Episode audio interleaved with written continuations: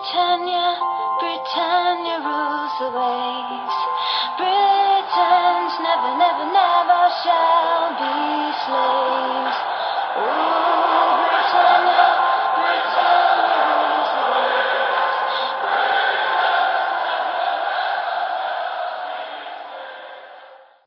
Hej och välkomna till avsnitt 199 utav Svenska FPL-podden.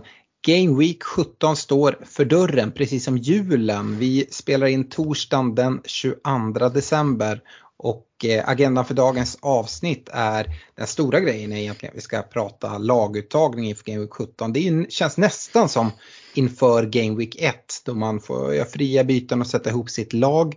Eh, men innan vi går in på det så har vi en del diskussionspunkter inför Game Week 17. Eh, men det stora i det här avsnittet kommer vara laguttagning där Eh, jag kommer presentera mitt lag så som det ser ut just nu. Det är alltid en brasklapp precis som när vi spelar in inför Game Week 1. Det kan, kan hända saker hela vägen in men jag tycker jag har kommit ganska långt i mina tankar. Fredrik ska också få möjlighet att eh, presentera sitt lag. Vi kommer diskutera lite olika val som har gjorts och, och vart vi står. Och eh, tyvärr är inte Stefan med oss idag så att ni får nöja, oss, nöja er med våra lag. Vi ska även ha en kaptensdiskussion inför Game Week 17 och vi ska svara på en hel del av era lyssnafrågor. Och eh, ja, Fredrik, julen står för dörren men eh, jag är nästan mer sugen på, eh, på Boxing Day. Ja, ska man vara helt ärlig så är, så är det väl så att eh, som FPL manager så är det Boxing Day som är eh, inte lilla, kanske till och med stora julafton. Eh, det känns skönt att vi fick ett riktigt bra avslut med VM där. En schysst final, tidernas final kanske och liksom, då kan vi stänga det kapitlet rejält och verkligen bara liksom känna att det var det. Eh, nu blickar vi mot Game Week 17 och ja, här går det ju att grotta ner så mycket som helst. Känner, nu börjar man ju känna lite sådär abstinens eh, på ett helt annat sätt än vad man gjorde för, för en vecka sedan ändå. Mm. Ja, verkligen. Och det är verkligen tillbaka till det normala. Vi, det, spelas in, det spelas fotboll samtidigt som vi spelas in. City, Liverpool möts i kuppen och precis i detta nu så spelar Kevin De Bruyne fram eh, Haaland till 1-0. så eh, det, ja, eh, Haaland fortsätter göra mål och vi, han tar väl vid där liksom allting slutade. Ehm, vi ska kasta oss in i allting men eh, först så tänker jag, vi hade ju en eh, bussa i Musikhjälpen i år för första gången. Eh, de samlade in pengar för en tryggare barndom eh, på flykt från krig och vi var med och, och bidrog med en bussa och eh, en utlottning där man hade möjlighet att vinna en plats på, på poddresan som går till London här, här i mars där vi ska se fulla Arsenal. Ehm, vår, vår bussa lyckades samla in 7625 kronor och stort tack till alla som har varit med och, och bidragit och hjälpt oss att sprida infon om, om bussan och ett riktigt stort grattis till Kasper Hamark som, som hänger med oss till London, Fredrik. Mm, verkligen, stort grattis Kasper och jättetack till alla som var med. Ehm, det är ju liksom ett gott syfte så det, det känns som att det var, fanns bara vinnare här men det är klart att Kasper får väl känna sig som en vinnare i dubbel bemärkelse. Ja, verkligen. Och vi fick ju lite feeling, jag sa det här i början, vi spelar ju faktiskt in avsnitt 199 vilket ja, det känns ganska sjukt att vi snart har gjort 200 avsnitt. Och, eh, vi har jobbat en del med utlottningar eh, och tänker det är klart man måste ha någon form av utlottning när man eh, snart spelar in avsnitt 200. Eh, det kommer väl gå gå ganska raskt innan eh, avsnitt 200 ska spelas in. Det är ju enormt tätt schema här. Så uh, vi slår till med en jubileumsutlottning där vi lottar ut en poddresa till. Och eh, för att, ta del av den här eh, utlottningen så, så, krävs det att man är Patreon. Antingen om man är nu eller om man går in och blir det innan årsskiftet. Och sen så andra sidan årsskiftet så, så drar vi lotten där på Får vi se om vi eh, är krya nog att, att dra den den första januari eller om det blir den andra. Eh, nej men utlottningen sker eh, strax därefter. Och om du inte redan har blivit Patreon så är det här en alldeles eh, enastående möjlighet att kliva med nu. Och man kan stötta oss med 25, 35 eller 50 kronor och precis som vanligt så har man en lott om man är Patreon på 25 kronors nivån två lotter på 35 kronors nivån och tre lotter på 50 kronors nivån. Så här finns ju en möjlighet att, att vinna, vinna poddresan om man var med och skänkte i bössan till exempel eh, och inte var Patreon. Så, så gå in och bli Patreon nu och som sagt tajmingen är ju perfekt att gå med, ja, redan, redan nu direkt och få, få bolla lite inför eh, för Game Week 17 när man får ta ut ett helt nytt lag med, med fria, fria byten och ställa frågor och komma in i det här härliga, härliga forumet eh, som vi ändå har lyckats, lyckats skapa. Eller vad, vad säger du Fredrik? Ja men verkligen så och kunna få bolla idéer framförallt. Och, eh, Twitter i all ära och sådär men det kan lätt bli liksom att man ropar ut i mörkret och ibland hörs det, hörs det inte alls och ibland är det jättemånga som hör. Och så här. I, I våra de här eh, communityna i form av originalmässingtråden i vestibulen så finns det liksom en, en eh, ja, men det finns en återkoppling hela tiden som ändå är, är skön att kunna ha och man känner att ah, man vrider och vänder bygget. Eh, så att det kan vi verkligen rekommendera. bli Patreon och innan årsskiftet men framförallt nu där, innan Boxing Day och, och passa på att ta del av. Vi har mycket duktiga managers i vårt community. Och för dig som redan är Patreon kan ju vara läge att uppa någon nivå om man är, befinner sig på någon av de lägre nivåerna. För att det är ju en lott för den som får 25 kronor, två lotter för 35, tre lotter för 50. Så du bara gå in och gå från 25 till 35 så dubblar du ju dina chanser att vinna. Mm. Och det är ju de här Patreon-pengarna vi tar för att göra de här utlottningarna. Eh, så att eh, ja. ja. vi försöker ge tillbaka så mycket vi kan till, till alla er som, som är med och stöttar. Mm. Eh, och Nej, det, det, ska bli oerhört kul och jag börjar verkligen tagga för, för poddresan ordentligt nu. Eh, bara kort om den 10-13 mars drar vi till London, fulla Arsenal på Craven Cottage. Eh, vi har sagt det tidigare, det går massor av andra matcher i London den helgen också såklart. Eh, så att någon annan match ska vi väl också trycka in och det kommer vara quiz med massa fina priser precis som förra året när vi var över och det blev riktigt lyckat. Vi ska väl eh, boka in oss på Waxy O'Connors och abonnera en del utav det och verkligen klackarna i taket och vi ska ju såklart förbi free, The Free Greyhounds puben och vi, vi har ju några sådana här fasta hållpunkter. Några, några givna vattenhål som eh, Ja, men dels de som var med eh, förra säsongen eh, gladeligen kommer återse och för alla som bokar på sig som inte var med kommer liksom att få eh, bra upplevelser på. Så att, eh, det, schemat kommer att vara, och det är det som är det göttiga också, det finns ett schema med riktigt schyssta hållpunkter men det finns ju också möjlighet för den som kanske inte är i London var och varannan vecka. Vill man göra stan en förmiddag själv, ja då gör man ju det. Eh, det är det som är så skönt att du, du styr över din resa väldigt mycket själv. Eh, men vi finns i princip alltid tillgängliga. Eh, så att, nej, inget att tveka på. Nu börjar det närma sig. In och, och boka på. Ge det här till, till dig själv. Det är ju årets julklapp att ge till dig och en polare. Verkligen. Ehm, så, nog pratat om poddresa och Musikhjälpen. Det är såklart jätteroligt men jag är ruggigt sugen på FBLs återstart. Och eh, jag tänkte att vi skulle liksom kicka igång det lite med några diskussionspunkter inför laguttagningen för Game 17. Och jag har förberett några punkter där, där jag kollar lite djupare på vissa bitar. Tänkte bolla upp dem för dig Fredrik och få, mm. få din åsikt på det. Ehm, den första punkten jag tänkte med är tid mellan matcherna. Det är ju ett tätt schema som kommer. Dock inte kanske riktigt så tätt som det har varit runt jul eh, tidigare. Eh, det brukar ofta refereras till att liksom 72 timmar är minsta tid för spelare att ge då en vettig återhämtning. Och, och kollar jag på det, hur det ser ut inför, ja, mellan Game Week 17 och 18 och mellan 18 och 19. Börjar vi med 17 och 18 så är det egentligen bara eh, alla klubbar har över 72 timmar eh, mellan, mellan matcherna och det är faktiskt bara två klubbar som har kortare än 85 timmar mellan Game Week 17 och 18 och det är, det är Leeds och Manchester City eh, som spelar sista eh, matchen eh, i, i Game Week 17. Eh, däremot mellan eh, Game Week 18 och 19 är det tajtare. Där har vi faktiskt eh, både Liverpool och Brentford som går under de här klassiska 72 timmarna.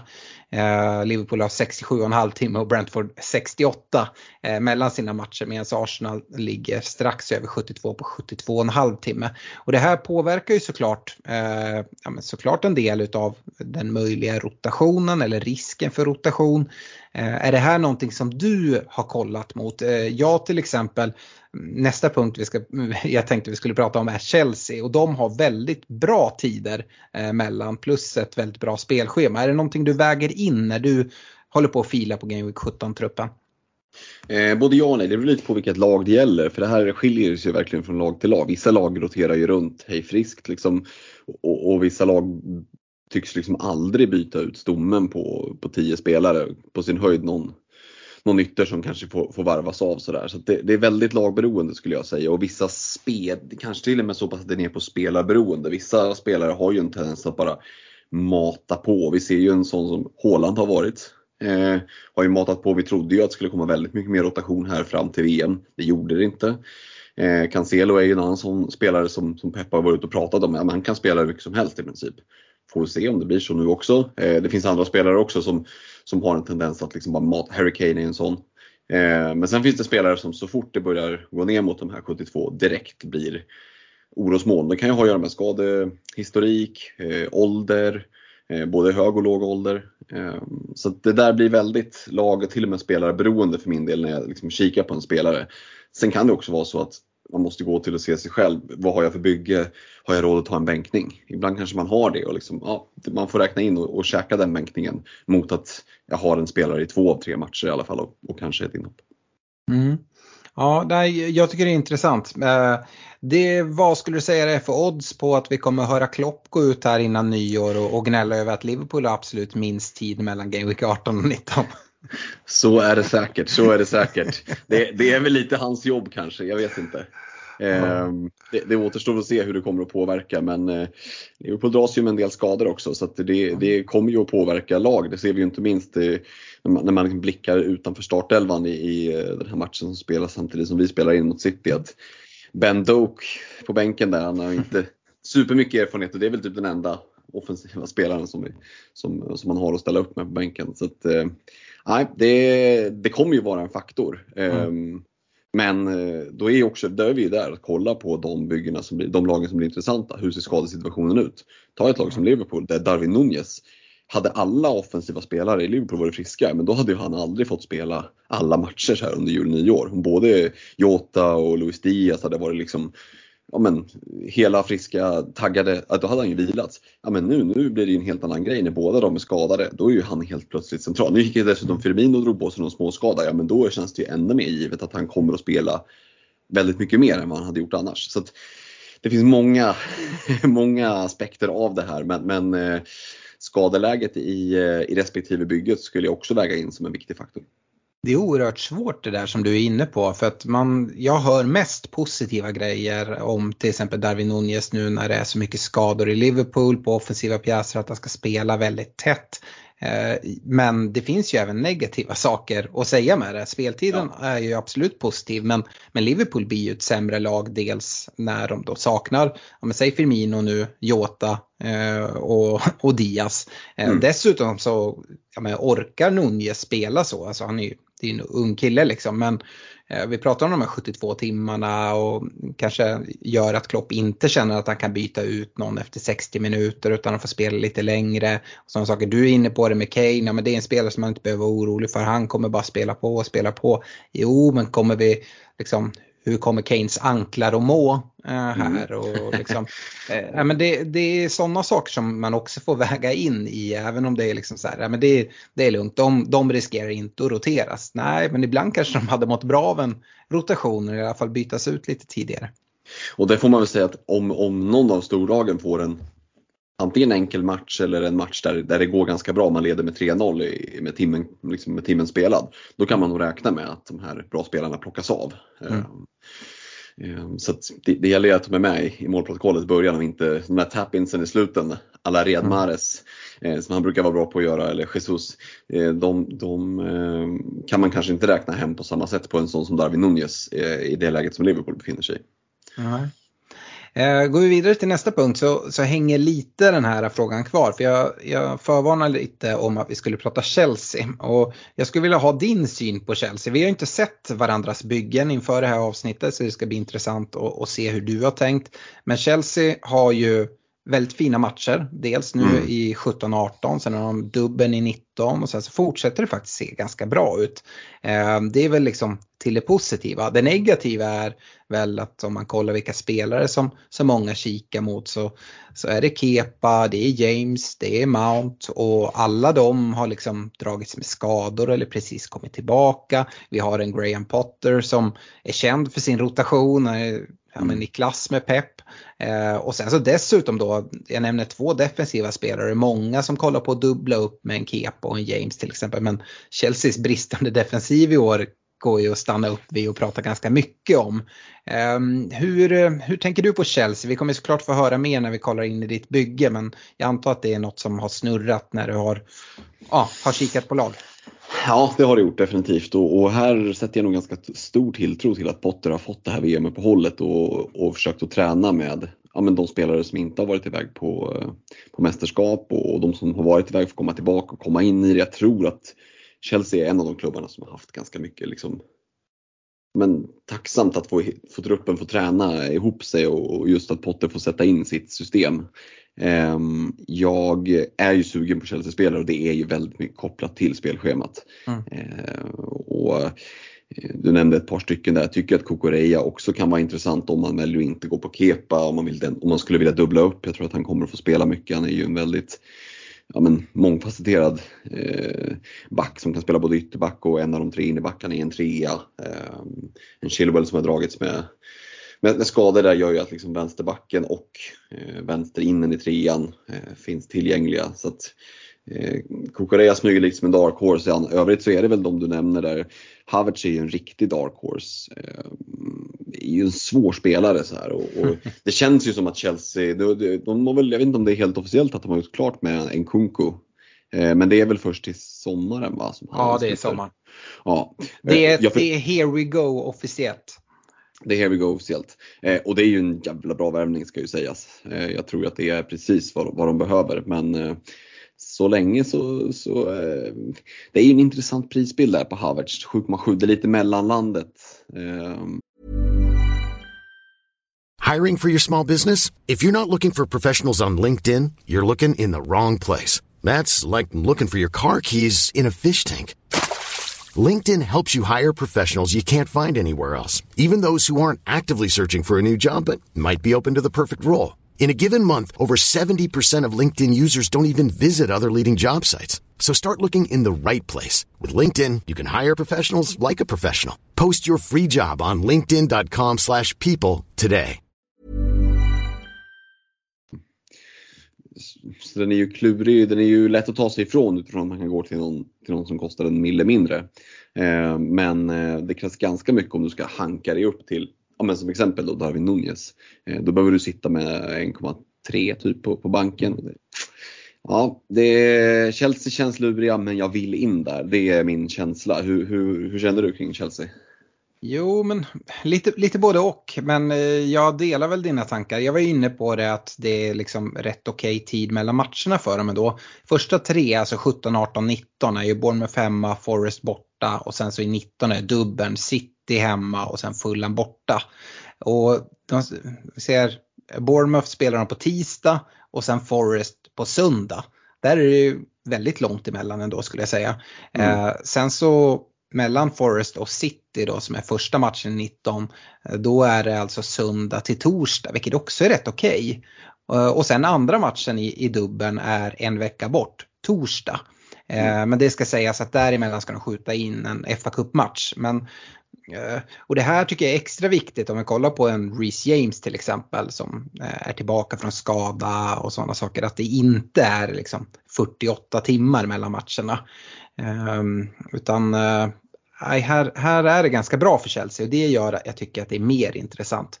Men som sagt, jag var inne även på Chelseas dåliga defensiva statistik. Det är faktiskt endast fyra lag som har sämre eh, statistik om man kollar på expected goals conceded utan straffar då över 90 minuter på 1,41 som, som Chelsea har haft. Det är Fulham, Everton, Leicester och Leeds. Så till exempel lag som Forest, Southampton, Bournemouth har alltså bättre statistik än vad Chelsea har haft om vi kollar de inledande 16 game weeks.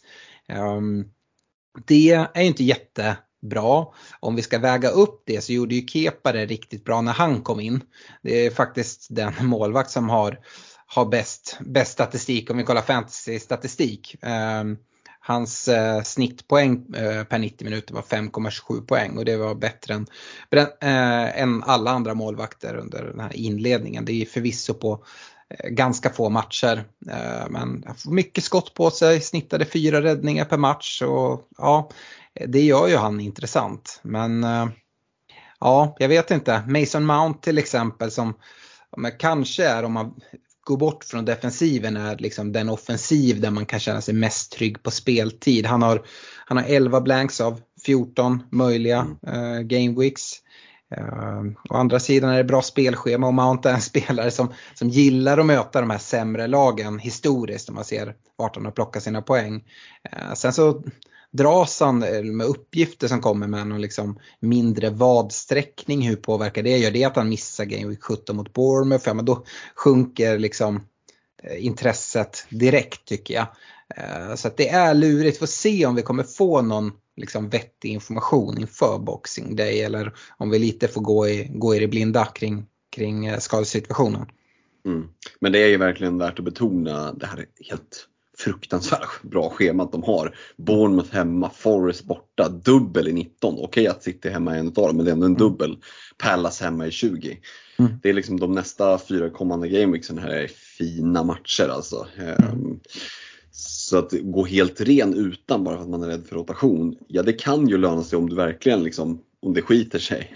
Mm. Så, med, eh, för, för, Chelsea. Men du kan också bli ganska straffad för jag tror att många kommer att sitta och men som Kepa, visst dragits med lite skador och sådär men många som har Kepa kanske väljer att dubbla upp med till exempel Ward eh, mm. och, och, säkra sig då och så väljer man att starta Kepa, nej han spelar inte, de spelar Mendy, ja men fine då får jag in Ward från bänken. Ja.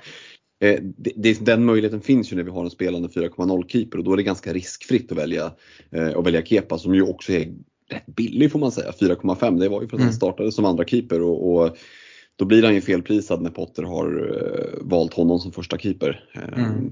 Sen får vi se om, jag utgår ju från att Chelsea kommer att, att klättra i den där uh, inte så smickrande tabellen mm. på hur, liksom, hur defensiven har sett ut. Och ja, Ska de göra det då är det att hålla lite nollor och det är klart sitter du på ett dubbelt Chelsea-försvar i, i Kepa och James till exempel och, och de håller en nolla krydda det med någon, någon ass eller något mål på James, då är det ganska jobbigt att sitta helt ren. Så att Eh, jag förstår att man kan känna sig lite skeptisk men eh, jag tycker att det är ganska ballsy faktiskt i det här läget att gå helt utan Chelsea-spelare. Mm. Ja, jag, jag, väger också in väldigt mycket just det här eh, tisdag, söndag, torsdag. Eh, mm. Det är ändå gott om tid och här, det skulle jag verkligen vilja, vilja påpeka, eh, talar för att gå på Chelsea-gubbarna. Kikar vi vidare så kommer det, vi har ju fått en del double game week som vi har pratat om tidigare i podden. Men det går ju även en hel del rykten om ytterligare double game weeks. Både game week 19 19 möjligtvis och Game Week 21 skulle kunna bli fler. Eh, och här gör vi väl som alltid och refererar till Ben Krellin. Han ska ju ha den cred han förtjänar. Eh, och han brukar ha bra koll. Jag tror han gav det ungefär 60% chans att Arsenal-Everton skulle kunna komma in här eh, som double game week i 21 tror jag det var. Och eh, ja, det är ju jätteintressant. Eh, vi kommer ju inte veta exakt liksom, det här inför Game 17 men bara att möjligheten finns och att det är en ganska stor möjlighet gör ju att jag tycker att man bör, bör väga in det. Eh, Arsenal skulle i så fall ha United och Everton båda på hemma, hemmaplan i 21 och Everton skulle ha West Ham och Arsenal borta i, mm. i 21 Det är framförallt Arsenal som jag tycker är intressant. Men det skulle även kunna vara att gå på liksom någon femte försvarare i en Patterson till exempel i Everton.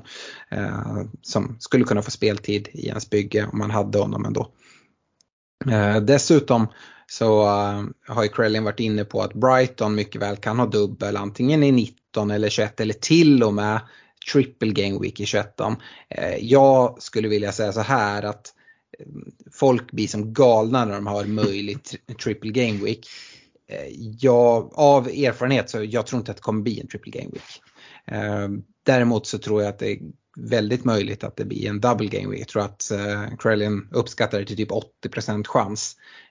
Um, och i så fall, och Brighton har ju redan bra, bra matcher. De ska möta Leicester borta i, i 21 och det är väl den som är mest trolig. Eh, och sen så är det Bournemouth eller Crystal Palace he, på hemmaplan, eller någon av dem är på hemmaplan tror jag, som ska tryckas in. Och det är ju väldigt intressant. Dessutom har Brighton rätt bra matcher. Eh, så det har gjort att jag svängt lite grann i mina tankar kring bygget och jag, jag ska ju snart presentera mitt bygge eh, och då har jag ett bygge innan egentligen den här informationen kom och så har jag ett efter. Jag vet inte om jag ska presentera båda eller hur, hur vi gör. Vi, vi, får se när vi kommer dit. Mm. Men eh, ja, jag tycker att det är väldigt intressant. Är det här något du har hunnit ta dig till utav inför det lag som du tänker presentera? Mm, men jag såg att det, att det uppdaterades och det kom info om det. Eh, och det är klart att man måste väga in det. För egen del så tänker jag ändå att fördelen med Brighton är att eh, det är tidigast Game Week 19, det är ett par Game Weeks kvar dit. Det är ganska lätt att kliva till eh, en sån som Trossard eller Gross. Eller det är ju inte jättemånga i Brighton man känner är superheta även om de skulle ha en dubbel. Så det är väl ja, kanske någon mer liksom, men det är väl kanske framförallt där en Trossard som lockar och där känner jag att ja, men honom skulle jag nog kunna baxa in genom att bara göra ett vanligt sidledsbyte från någon av de mittfältarna som, som jag har tagit ut just nu i bygget. Mm. Eh, det skulle till och med kunna passa väldigt bra med en sån här fixture swing för en specifik av mina mittfältare och då har jag mm. liksom gott om stålar. Så jag känner ingen superstress för, eh, för Brightons del faktiskt. Mm. och känner eh, i dagsläget i alla fall inte att jag, det kan ju ändras. Skulle det bli en triple game då får man ju såklart börja se ja. över det. Men, men det hade känts jobbigare om det hade varit ett lag som, som det kändes svårt att nå till. Vi brukar ju prata om att har du inte Mo Salah i bygget så blir det svårt att nå dit. Eh, det mm. krävs ofta två byten liksom, minst. Eh, den rädslan känner jag inte riktigt. Eh, är du med på vad jag tänker med, med Brighton-spelarna? Ja, men eh, här tycker jag du är inne på en bra sak. Alltså, antingen kan man ju sätta i ordning ett lag som redan är rätt väl anpassat och fördelen med det är ju att det kommer alltid dyka upp saker där du kommer behöva göra byten i alla fall. Och så helt plötsligt de här planerade bytena som du har 4-5 game weeks fram, men de försvinner för att du behöver liksom släcka andra bränder. Mm. Men åtminstone att ha tänkt på att ha olika prispunkter och liksom en flexibilitet i ditt bygge. Att ja, jag skulle förmodligen vilja gå dit om det blir en dubbel här. Hur gör jag det på något vettigt sätt? Och det är väl det som talar emot de här. Jag har sett vissa byggen på Twitter där man liksom har tryckt in typ fyra premium så går man liksom på superbilliga spelare. Det finns ju mycket värde i liksom billiga spelare men det problemet är ju att det är svårt att börja ändra om resurserna eh, om, man, om man har gått på ett sånt bygge. Eh, så det är väl det man liksom kan ha med sig. Eh, den, den, sista punkten i alla fall innan vi ska hoppa in i presentationen utav våra byggen. Det är avstängningsläget och det är ju en drös med spelare som står på fyra gula kort och riskerar avstängning. Vi ska inte gå igenom alla men det finns några som är mer intressanta än andra. Jag tänker på Mitrovic, jag tänker på Kane, Saliba, Eh, Leon Bailey, McAllister, Fabian Skär. Eh, där är väl de som jag egentligen tänkte att vi skulle prata om. Och vi kan väl börja med de här två forwardsen i Mitrovic och Kane. Hur mycket väger du in den här eh, ja, risken för avstängning? Till exempel Mitrovic, ja, men många kollar ju mot honom såklart, han har bra matcher innan men sen har ju den här dubben i 19 då ja, men kanske man till och med funderar på att sätta en bindel på honom. Har han inte fått avstängning inför det så är det ju ja, det, det är modigt. Mm. Eh, det är ju definitivt en, en krydda i det liksom och, och det vore väl ödets ironi att han inte har plockat något kort i 17-18, man bindlar honom inför dubbeln 19, det är långt i nio dagar emellan. Eh, och så går han och drar ett gult efter två minuter i Leicester borta, eh, första matchen 19. Jag kan ju se det framför mig. Eh, och samtidigt så är det lite risken med, med en Alexander Mitrovic, han behöver inte stå på fyra gula, han har ju alltid ett rött i sig. Liksom. Mm. Han har ju det där temperamentet som man någonstans får leva med. Eh, jag tycker att det finns väldigt mycket värde i Mitrovic utifrån att han är ganska billig. Eh, är det så att han eh, är det så att han liksom dra på sig det där, får en matchavstängning, då är det vad det är. Jag kan tänka mig att käka den. Liksom. Och det är väl också lite sett till vad man har för bygge. Jag tror att det kommer skilja en del på vad folk har för bänk. Kommer det vara en bänk som är knappt mm. spelbar eller kommer det vara en ganska stark bänk? Eh, och, och, landar man i det senare, eh, där man känner att första bänkliraren kan jag liksom mer eller mindre lika gärna starta. Ja, men då kanske, det inte, då kanske det inte är så farligt. Har man däremot gått liksom och lastat all in i, i startelvan, ja då kanske det är lite mer risky och då kanske man ska se över att ja, men jag har råd med, med en spelare som står men jag kanske inte ska liksom bolla upp med flera. Um, och det är ju ändå skillnad på en Mitrovic som kostar vadå 6,8 miljoner om du ska köpa honom idag kontra Kane som ju är en, en premiumspelare som det är betydligt mycket mer pengar som hamnar på bänken den gången han är eh, avstängd i så fall. Ja, och kanske framförallt om du tänker att du ska gå på en anfallslina med Haaland, Kane och Mitrovic som jag har sett mm. vissa, vissa gör. Har du mm. riktigt oflyt så drar de gula i samma eh, och då ska du helt plötsligt fylla på från din bänk med två spelare och ja, jag vet inte, både Kane och Haaland gör ju att det är ganska mycket pengar som går och kanske bänken är lite extra svag. Um, så att uh, jag, jag håller med dig. Jag tycker uh, Kane lite känns, det, det är taskigt mot honom Eh, kopplat till att han har haft en så fin höst. Men för mig är Kane lite no-go zone. Jag tycker att det finns bättre premiumalternativ att, att vända sig mot. Eh, han är inte med i mitt bygge eh, kan jag avslöja direkt. Um, Kollar man på de andra som sagt, eh, Saliba har vi pratat om, är uppe på fyra gula, har ju stigit en hel del i värde också. Så är det så att man inte sitter med honom men ändå vill in i Arsenal-försvaret så har du ju en Gabriel till, till samma pris som Saliba där jag tycker att det är ett mycket bättre alternativ. Jag tycker att dessutom att han är ett större offensivt hot än vad Saliba är trots att han kanske har fått eh, Saliba kanske har fått lite bättre utdelning än vad Gabriel. Eh, och sen har vi ju Ben White där det är ännu bättre värde där man kan spara 0,5. Så att, eh, Saliba tycker jag inte är en spelare man behöver kika mot. Det skulle vara om man har suttit med honom sen start och har det uppbyggda värdet att bara sitta kvar och liksom, då är det ändå en bra väg. Eh, det kan till och med jag eh, tycka. Ehm, Eh, Leon Bailey är en sån spelare, jag tycker ändå han är intressant att nämna. Eh, det är väl så att de allra flesta som går på en, eh, ett fyrmanna mittfält ändå har en Andreas Pereira kopplat till, som femte mittfältare då på grund av att ehm, ja, men Fulham har sin, sin dubbel, vi har redan pratat om Mitrovic. Ehm, men Bailey är 0-1 billigare än Andreas Pereira nu. kanske inte väga in det så mycket men Bailey har ju sett riktigt bra ut och med eh, Unai Emery ny i, in i Villa, kan det vara så att det är Baileys uppsving? Jag tycker att det är en wait and see och jag tycker att det är bättre att gå på Pereira i ett sånt läge. Men eh, jag kan tänka mig folk som, som ändå lockas av det. Men då tycker jag att man också ska väga in de här fyra gula. Det kanske är ytterligare en anledning till att wait and see lite grann. Um, McAllister tänker jag, folk som har kollat mycket VM och blivit imponerade av honom, det blev jag. Uh, men dels så är det väl liksom det här att, ja men när, när är han nykter uh, efter det här VM-guldet igen och tillbaka och, och, spelar i Brighton. Uh, och sen så fyra gula, så där bara tycker jag det är ett nybörjarmisstag att gå på McAllister så här tidigt, även fast Brighton då kan ha en triple game week i 21 till exempel. Mm. Det ska bli spännande att se McAllister om han mentalt kan landa. För att mm. alltså, VM-guld med Argentina hem till Buenos Aires. Det, med all respekt för liksom Premier League och i Brighton och sådär men det risken finns ju att han landar och känner att ja, det var VM-guldet och liksom ja, har svårt att mentalt ladda om för att bara kötta liksom åka ner och sydkustderby och nu jäklar ska vi tagga mot Southampton och det här är årets match och han känner ja årets match spelade jag nere i Qatar. Eh, jag säger inte att det blir så men eh, jag är helt med på din liksom, varningsflagg på McAllister. Mm. Ja. Och det kanske, det kanske rör många av egentligen de vi har sett i VM nu. En, ja. en Perisic också, att man har imponerats och då ska man ju veta att tempot är lite av ett annat och de som har gått långt är ju eh, dels att man spelar mycket matcher, de ska ha lite semester, de kanske inte ens är tillbaka till Boxing Day. Så det är ju någonting verkligen att ha med sig. Mm.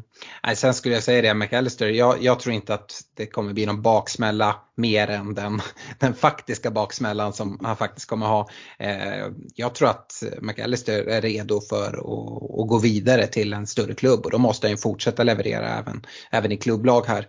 Um, så hoppas på en transfer i, i sommar kanske. Mm. Uh, men det är bara spekulationer. Sista då som jag ändå nämnde som stod på fyra gula det var Fabian Schär i Newcastle. Newcastles försvar har gjort det jättebra. Tripper kommer vara väldigt högt ägd. Uh, men det är många som även vill dubbla upp. Då tycker jag att det enkla valet är att gå på en ännu billigare Bottman som dessutom inte står på, på fyra gula. Men om det är någon som lockas av att gå mot Fabian Schär då skulle jag ändå råda att eh, slå ett öga på Bottman istället. Mm. Eh, det var väl det. Eh, tycker du att vi ska sluta tassa kring den här tomtegröten och kolla in i våra byggen? Som sagt, vi har inte, vi har inte pratat byggen så mycket. Däremot så har jag en känsla över att det kommer vara en, en ganska stark template eh, och ja, det, att det kan påverka en, eh, byggena ganska mycket. Mm, det tror jag med och vi kommer nog se en väldigt eh, tydlig stomme som kommer att finnas i, i, i väldigt många byggen. Eh, så mm. då gäller det att pricka de här komplementspelarna rätt. Mm. Så att, ja, det ska bli spännande att se. Vi ska väl eh, lämna en liten brasklapp om att vi såklart då spelar in då 22 och det, det är någonstans ett par dagar kvar till boxen. Det kan ju hända saker det, så att inte folk tror att vi har låst våra byggen och ah, men du sa ju det här och jo, jo men kommer det fram att, att någon spelare liksom är skadad på en presskonferens, ja då, då kommer vi att ta med det i beräkningen och det, det kan ju svänga snabbt här när det kommer också information om double gaming och sådär. Presskonferenser och sånt. Och, ja. Så att eh, det, så är det absolut. Och dessutom kan jag väl, det jag kan säga så här, jag kan lova att eh, alla som är patrons kommer få ta del av mitt exakta lag eh, precis innan deadline i alla fall. Mm. Så att mm. bli, bli Patreon så får, får ni det exakta laget. Det kanske ser ut så här. Uh, Nej men vi, vi gör som vanligt, vi går bakifrån och framåt och jag tänker att jag eh, normalt sett brukar vi köra målvakter och försvar och dra det direkt. Men jag, jag tror jag bara börjar med mina målvakter och stannar där och det finns en mm. anledning. Eh, jag har gått i det här alternativet på uppdubblingen i Leicester med Ward och Iversen. Eh, och det är en ren budgetfråga vi pratade en del om Kepa. Jag, hade, jag har lekt med tanken och se om jag kan få in honom. I det här bygget så har jag 0,2 på banken. Det räcker inte för att göra Iversen 3,9 till en Kepa på 4,5. Och å andra sidan tycker jag att jag är ganska lätt att göra den uppoffringen. Det som talar emot är att det inte är en double game week målvakt. Men annars skiljer målvakterna sig ganska lite och ser jag vad jag får ihop för lag i övrigt så tycker jag att det är värt att offra, eh, offra det där. Um, så Ward och Iversen och jag gissar att du kommer att säga att man, det finns andra målvakter som är bättre. Men mm. det, man behöver ju ha hela bygget framför sig innan man kan, kan kritisera allt för hårt tänker jag. Ja, men jag tror att alla vi som har suttit och screenshotat fram olika förslag på byggen har har lekt med, med den här eh, konstellationen. För det är ju där man sparar mest pengar och hur det än är så brukar det nästan alltid komma ner till de där 0,1, 0,2, 0,3 och kan man spara in dem, i det här fallet kanske till och med 0,6, ja då, då kan det vara så att det går att göra liksom en, en eh, riktig budgetback till eh, någon som är liksom lite mer mid-price och, och, som faktiskt är riktigt bra. Eh, så att, eh, jag förstår ju hur du har tänkt med, med tjänade pengar. Det är väl det där benchboostet då som, som mer eller mindre kanske inte utesluts men det, det, blir, det är ju inte upplagt för det på samma sätt när man har två keeprar från samma gäng. Eh, jag har oavsett inte tänkt dra någon benchboost i Game Week 17. Jag har inte ens spånat på ett sånt bygge. Eh, och eh, som sagt, vi har ett wildcard kvar efter det här. och dessutom skulle jag kunna dra mitt, mitt, mitt benchboost innan jag drar det i wildcardet bara genom att göra ett byte. Och då kanske jag ja, men då kanske saker har ändrat sig och då har jag frigjort pengar på någon annan position och helt plötsligt kan jag göra ett målvaktsbyte bara inför en sån benchboost. Eh, mm. Så att det tänker jag, det, det kan lösa sig i så fall. Eh, jag, jag, står inte och faller med det. Utan, ja, så, så är det på målvaktssidan. Det är en, det är en uppoffring jag, jag har gjort. Jag skulle vilja ha en annan andra målis men tycker att det här är ett fullgott alternativ och ingenting och egentligen ja, men så mycket att skratta åt utan jag, jag tycker att det här är ett fullgott alternativ att, att gå på och ja, den uppoffringen är jag beredd att göra. Mm. Eh, går man till försvarsled, jag säger det, den här laget är egentligen uppställd för en 3-4-3. Så att trebackslinjen som i stort sett har sett likadan ut i alla eh, liksom mina, eh, mina drafts på, på lag. Den är Trippier, eh, Reece James och Cancelo. Eh, och det är ganska mycket pengar i, i, i försvaret, uh, Big At Back. Um, men jag tycker där står man också jävligt stadigt. Uh, på, på bänken har jag en Ben White och en Patterson i Everton. Och dels då kommer jag in på, på Arsenal-försvaret och har möjlighet att till exempel om de får, får dubbeln här i, i 21 vi vet att de har en dubbel i 23 det är i och för sig långt bort men som sagt kan komma i 21 redan. Även Everton kan få i 21 Eh, och jag tycker Patterson är ett bättre alternativ än en spelare som Bueno som är i Wolves eh, som eh, har figurerat i många, många byggen. Patterson är 0-1 dyrare men ja, jag, jag gillar, gillar honom bättre. så att ja, där, det, är, det är mitt försvar. Mm, ett otroligt starkt försvar och du är inne på det själv att det är mycket laddat. Men när vi ser en James tillbaka, inte bara i träning utan också i vänskapsmatcher och, och spelar, vi vet vilken höjd det finns, han är nere på 5,8, jag köper det rakt av. Eh, det är ju intressant med Ben White som, som liksom hamnar på bänken och där, vi var inne på det nämnde tidigare, man kanske har en första spelare på bänken som man mycket väl kan tänka sig att spela. Ja, det, där kan man ju verkligen snacka om att Ben White tar den platsen. Eh, ser just direkt liksom möjligheten om du skulle vilja gå till, till Kepa, då har du säkert laborerat med, men det är ju, då gör man ju Ben White till Sven Bottman till exempel. 0,2 på banken, tjänar in 0. Nej, just det, då är det 0,1 ifrån ja. Ja, det hade, det hade ändå inte varit av intresse för mig för jag vill ha eh, en Arsenal-försvarare i bygget. Ben White är mm. den billigaste vägen in. Mm. Eh, och eh, hade jag liksom fått den möjligheten att göra White till Bottman och då göra Iversen till Kepa hade jag ändå inte gått på det. Mm.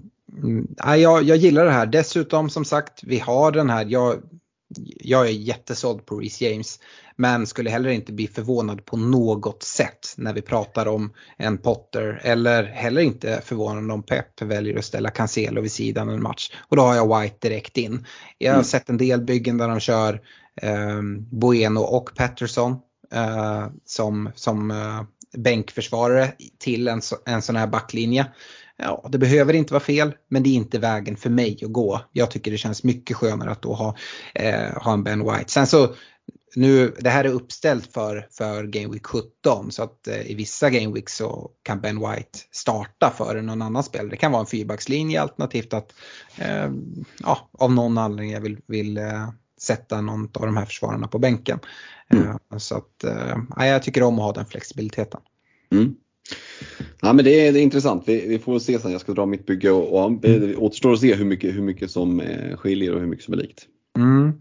Eh, går vi upp på mittfältet så som sagt ska det vara fyra stycken där och då kan vi egentligen börja med bänkplatsen. Den är vigd åt Andreas Pereira, jag har varit inne på det.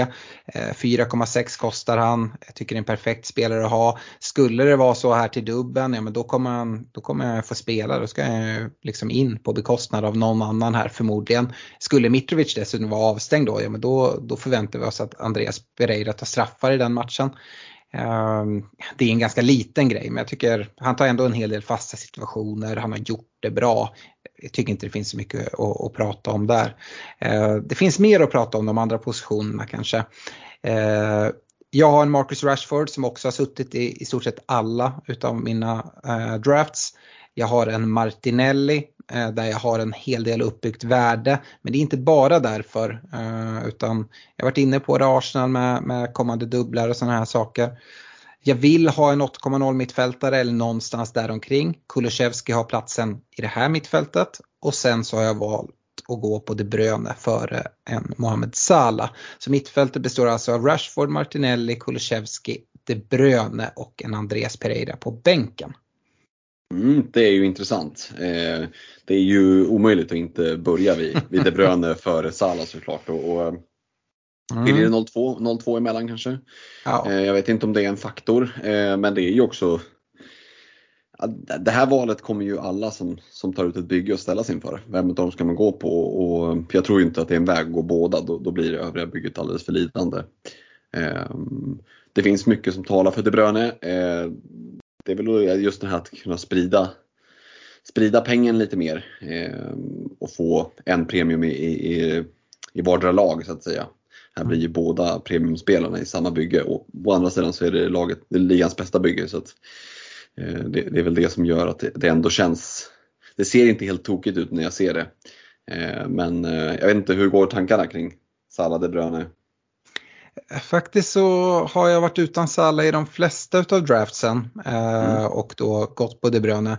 Och ja, det här är ju verkligen en sån här uh, som kan svänga ordentligt. Um, men jag tänker vilka, vilka är de tre bästa City-spelarna att ha?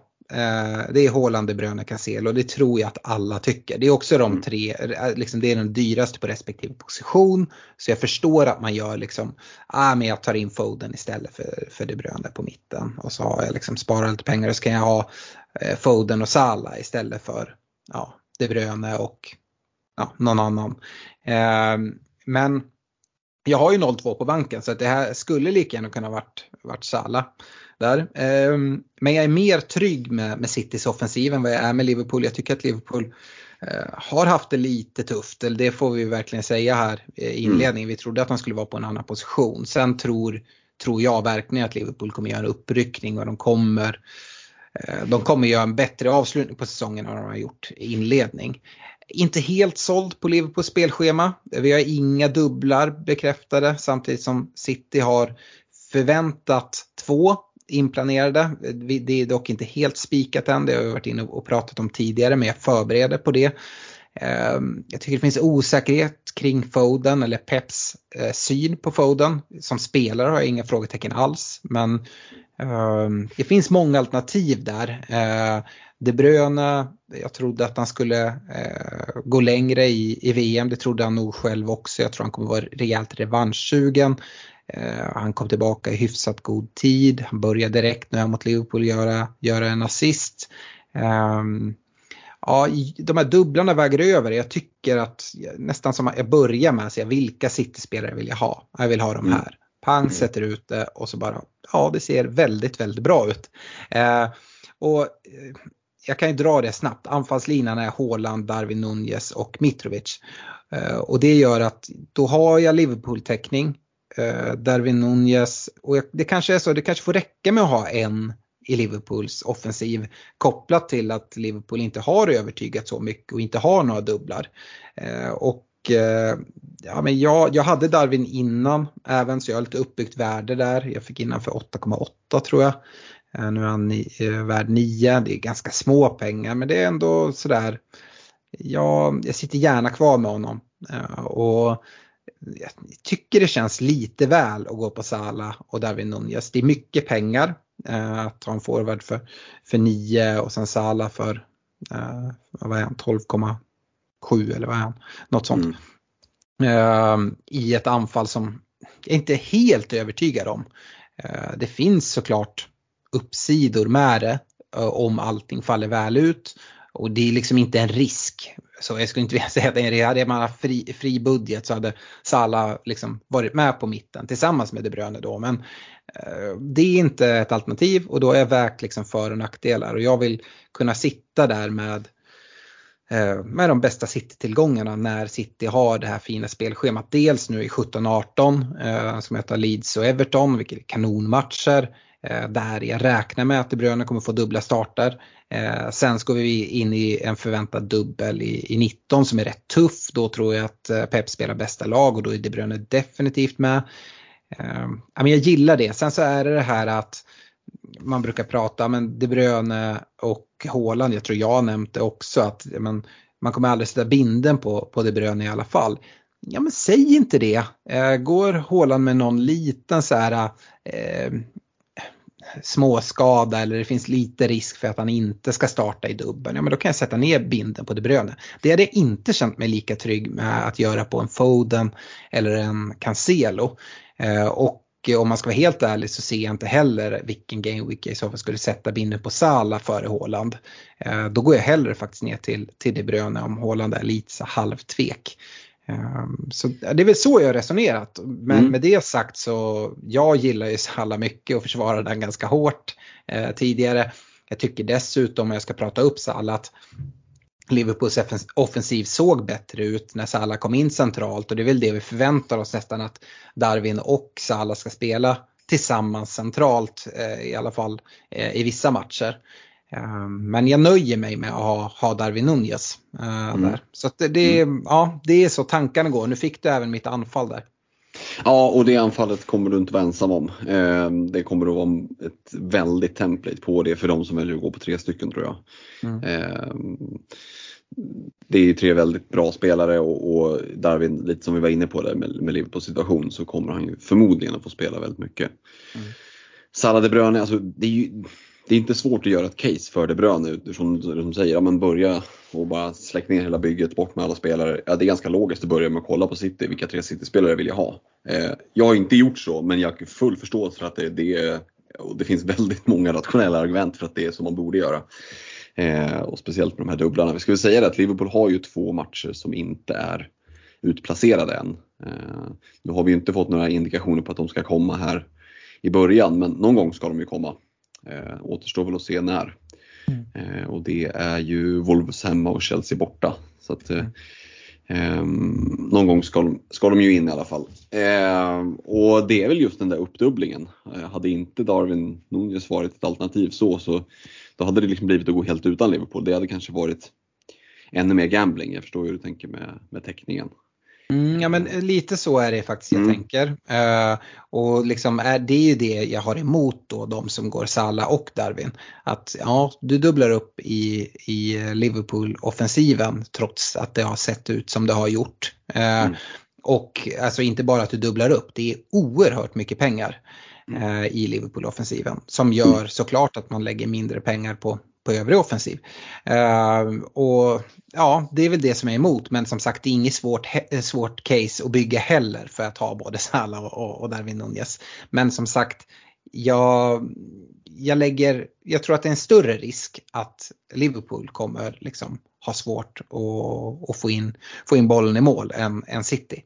Det, mm. det är den känslan jag har i alla fall att det liksom kan fortsätta hacka lite för Liverpool och dessutom som sagt inga dubblar. Eh, sen så tycker jag, jag är inte på något sätt liksom bortlåst från att gå till Mohamed Salah på något sätt. Det krävs 0-2 från De Bruyne och gå till, till Salah. Det kan man lösa ganska enkelt. Om jag skulle vilja skifta eller vi får reda på att Liverpool har en dubbel, ja men då blir det en helt annat eh, läge och då får man väl eh, göra det nu. Nu agerar jag på den info vi har nu. Då vet vi inga Liverpool-dubblar. Däremot vet vi Eh, åtminstone en dubbel för City och ja, med förväntat två om det blir eh, förväntat resultat i kuppen dessutom.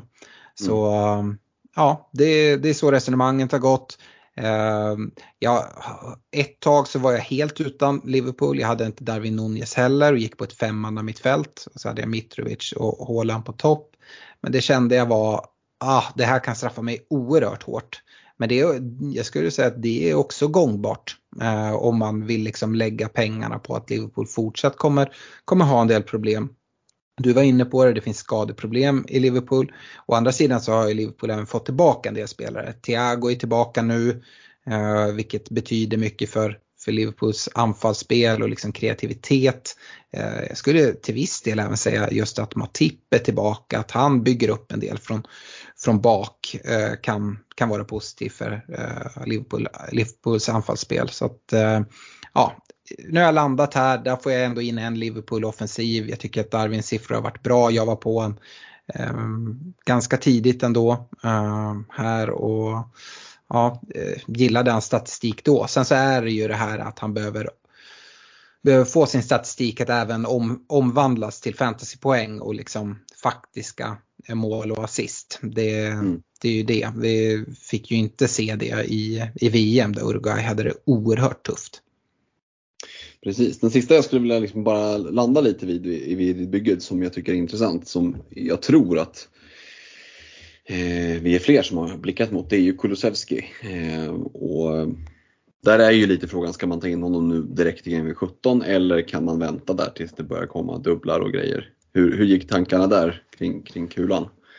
Ja, nej men jag, jag gillar Kulusevski väldigt mycket eh, som ett fantasyalternativ. Eh, jag vill inte tro att det har någonting att göra med att han är svensk. Eh, men kolla, jag tycker att eh, Spurs schema ser ganska bra ut. Jag gillar Brentford borta, Villa hemma. Eh, Palace Pallas borta i 19. Eh, det är de tre första. Där är det inga dubblar och sen så har han dubbeln i 20. Den är tuff. Det är hemma mot Arsenal, borta mot City. Men det är ändå en dubbel.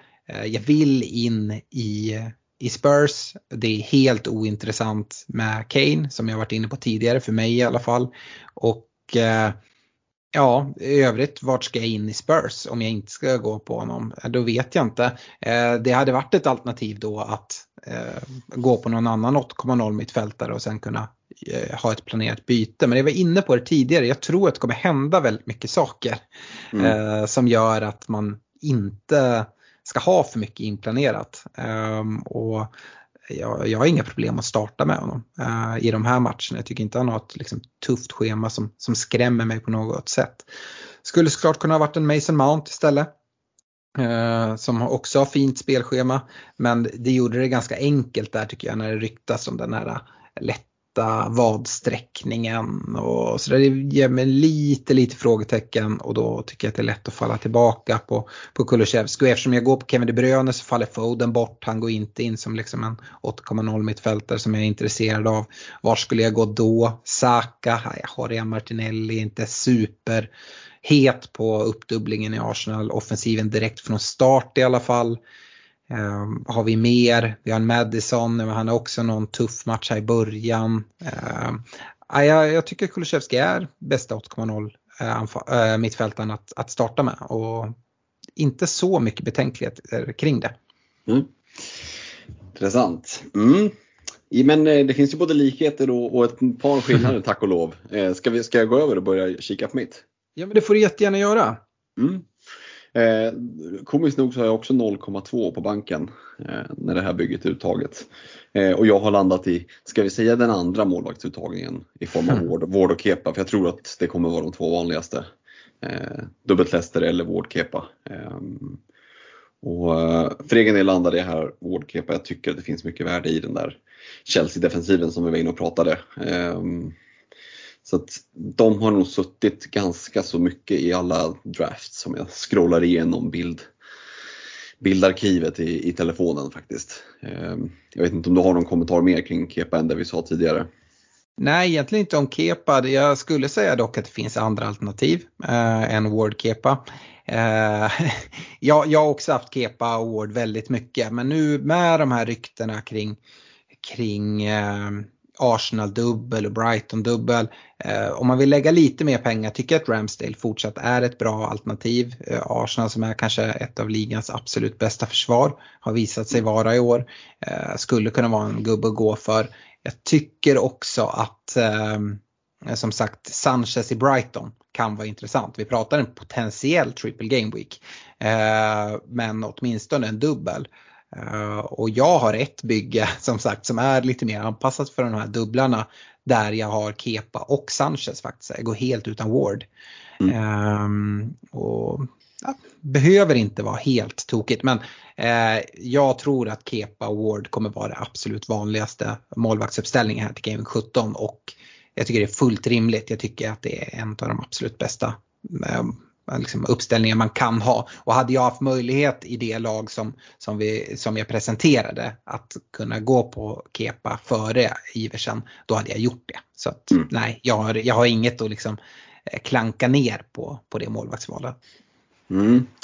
Eh, går vi över till försvaret då så är det fyra av fem som är de samma. Eh, sen är det en femte spelare som jag mm, det, det, är ju verkligen inget jag tar på att han kommer vara där. Han är där lite som ett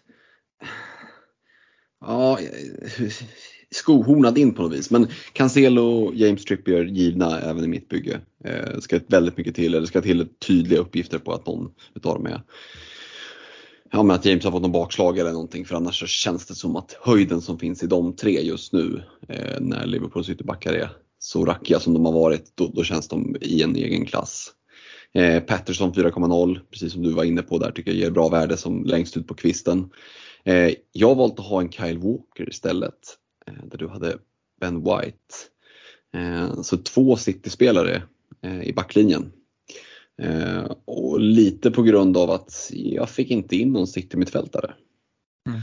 Mm. Det, fanns helt enkelt inte plats för varken De Bruyne eller Foden eller Bernardo Silva eller Gündogan eller det fanns många som hade aspirerat på en plats men Eh, det var trångt där Det var andra spelare som jag ville ha och då eh, vill man ju heller inte gå eh, liksom, med två City-lirare.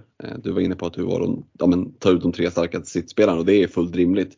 Att gå med bara två, det känns väldigt fattigt. Nu är ju Walker lite av en chansning, ska sägas, men ehm, för 4,8 så är det också en, en, spelare som om han bänkas inte liksom bränner allt för hårt. Och det kan faktiskt vara så att han i det här laget som jag tänkte ställa upp eh, spontant inför Game 17, 3-4-3, då är han exempelvis bänkad. Mm. Mm. Ja, det, fyra av fem är ju likadana eh, mm. som mitt lag. Eh, så jag gillar det ju. Eh, samtidigt som jag inte alls gillar ditt femte val. Eh, av, av, flera anledningar. Eh, men eh, om vi börjar, som sagt, Reece James, där kan vi skjuta in det. Att eh, Chelsea spelade ju en träningsmatch för stängda dörrar, eller halvstängda dörrar. För det läckte ju ut ganska snabbt att James hade spelat 60 minuter. Vilket mm. gör, vi känner oss trygga att han, han kommer eh, ha goda chanser att starta Game 17.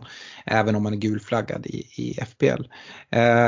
Inget som behöver sägas om Cancelo eller Trippier egentligen. Eh, men Walker tycker jag det finns mycket att säga om. Eh, och det största problemet här, du säger att amen, gå in med två, det känns, känns inte alls eh, korrekt. samtidigt säger du att du då planerar att starta Walker på bänken. Då går du egentligen in med två, två City-spelare. Uh, förvisso kan du sen välja att spela tre i någon match. Ja men helt plötsligt då den matchen när du spelar honom, ja men då, då startar han inte. Uh, och jag ser inte alls att hans plats på något sätt är given eh, i den där City-defensiven. Han låser dig dessutom ute för att kliva in på en City-mittfältare. Eh, för jag gissar att du har Haaland på topp.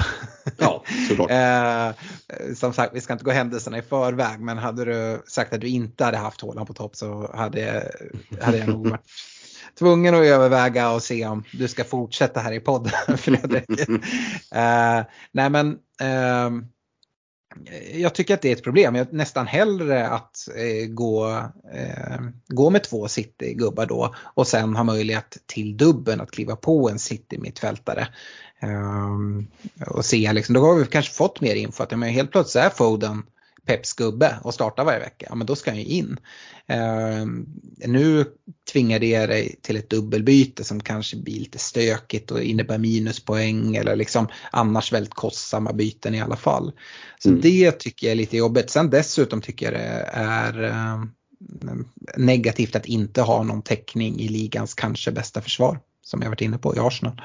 Um, och där du har en billig väg in i Ben White till exempel som jag har valt. Och som sagt det här handlar inte om att argumentera för att du ska gå med exakt samma bygge som mig. Uh, men jag tycker att det är en, liksom, en tanke att ändå skicka vidare. Att, inte bara för dig utan för, till våra lyssnare. Att uh, det kan vara ganska fint att sitta med en Arsenal-täckning i den här defensiven. Speciellt med möjlighet då till, till, uh, till dubblar inom ganska snar framtid.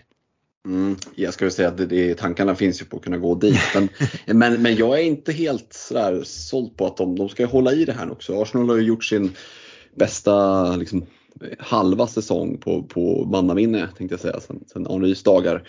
Och det återstår ju att se, hatten av ifall de lyckas hålla i det. Men jag tycker att de har överpresterat sett till vilka spelare de har. Jag tycker inte att det är, ett lag man ser spelare för spelare som ska, som ska leda Premier League. Eh, det står jag för. Eh, och det återstår att se om de, Aaron Ramsdale kan fortsätta liksom leka i Gianluca Buffon och Ben White lämna F-Boy Island-looken och liksom lira Premier League på riktigt. Det är mycket möjligt och då, då ska jag göra som jag gjorde med Kulusevski och, och göra en pudel. Men jag var inte helt övertygad. Jag tror att högerbacken ändå kommer att vara Walker som han håller sig hel i city. Eh, de andra som jag ser liksom ska gå över det är att flytta över Cancelo eller skicka ut någon av mittbackarna. Det är klart att det kan hända men mm, jag tycker att det för 4,8 ändå känns lite spännande. Det som du är inne på det är ju att man låser sig utifrån mm. från city, city mittfälten. Det tycker jag kanske är det starkaste argumentet. Mm, den, um, den, känns riktigt jobbig hade jag tyckt. Ja, och, och, det är ju liksom priset man får betala i så fall för att få in Foden. Eh, mm. För det är det det handlar om egentligen, alternativt typ Bilva eller, eller Gündogan. Eh, mm.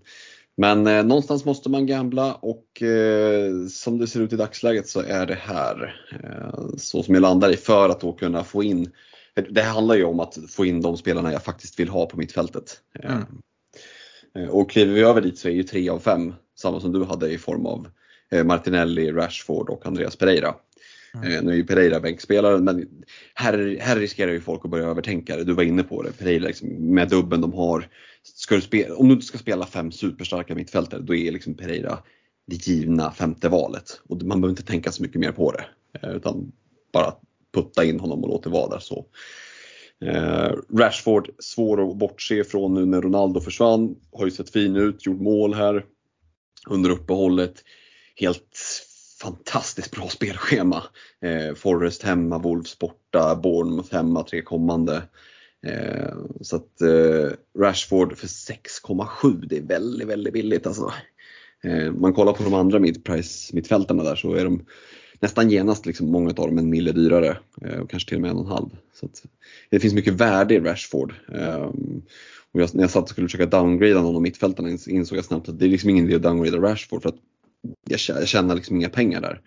Eh, om man jämför med, med till exempel Foden som det gick att, och hyvla rätt bra på. Så att eh, Rashford och eh, Martinelli, samma sak där, uppbyggt värde, du var inne på det eh, och tycker att han, nu spelade inte han så mycket i VM heller så han borde inte vara sliten. Eh, Mohamed Salah har jag i bygget valt att gå där istället för De Bruyne, den diskussionen har vi redan haft. Sen tycker jag en spelare som jag saknar i ditt bygge, men man kan inte ha med alla, men som jag valde att prioritera för det är Wilfried Zaha. Eh, och det är till att börja med ganska kortsiktigt. Jag, han, det kan mycket väl vara så att han kommer sitta hela säsongen men full av hemma, Bournemouth borta 17-18. Eh, det tycker jag är en super, två superintressanta matcher och talisman för klubben, straffskytt. Eh, om Pallas bara puttrar igång här så tror jag att eh, det finns bra chans för leverans för Zaha de två första matcherna. Sen kan det vara så att han ryker efter två matcher oavsett hur det går för honom egentligen.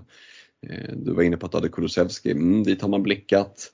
Eh, det finns ju andra, andra spelare i samma kategori ungefär men, men Zaha ville jag verkligen ha med i bygget och det var lite andra spelare som fick flytta på sig. Så att, eh, Fyrmannamittfältet som är då liksom uppställt i startelva, då är det Salah, Martinelli, Rashford, Zaha och sen en Pereira på bänken.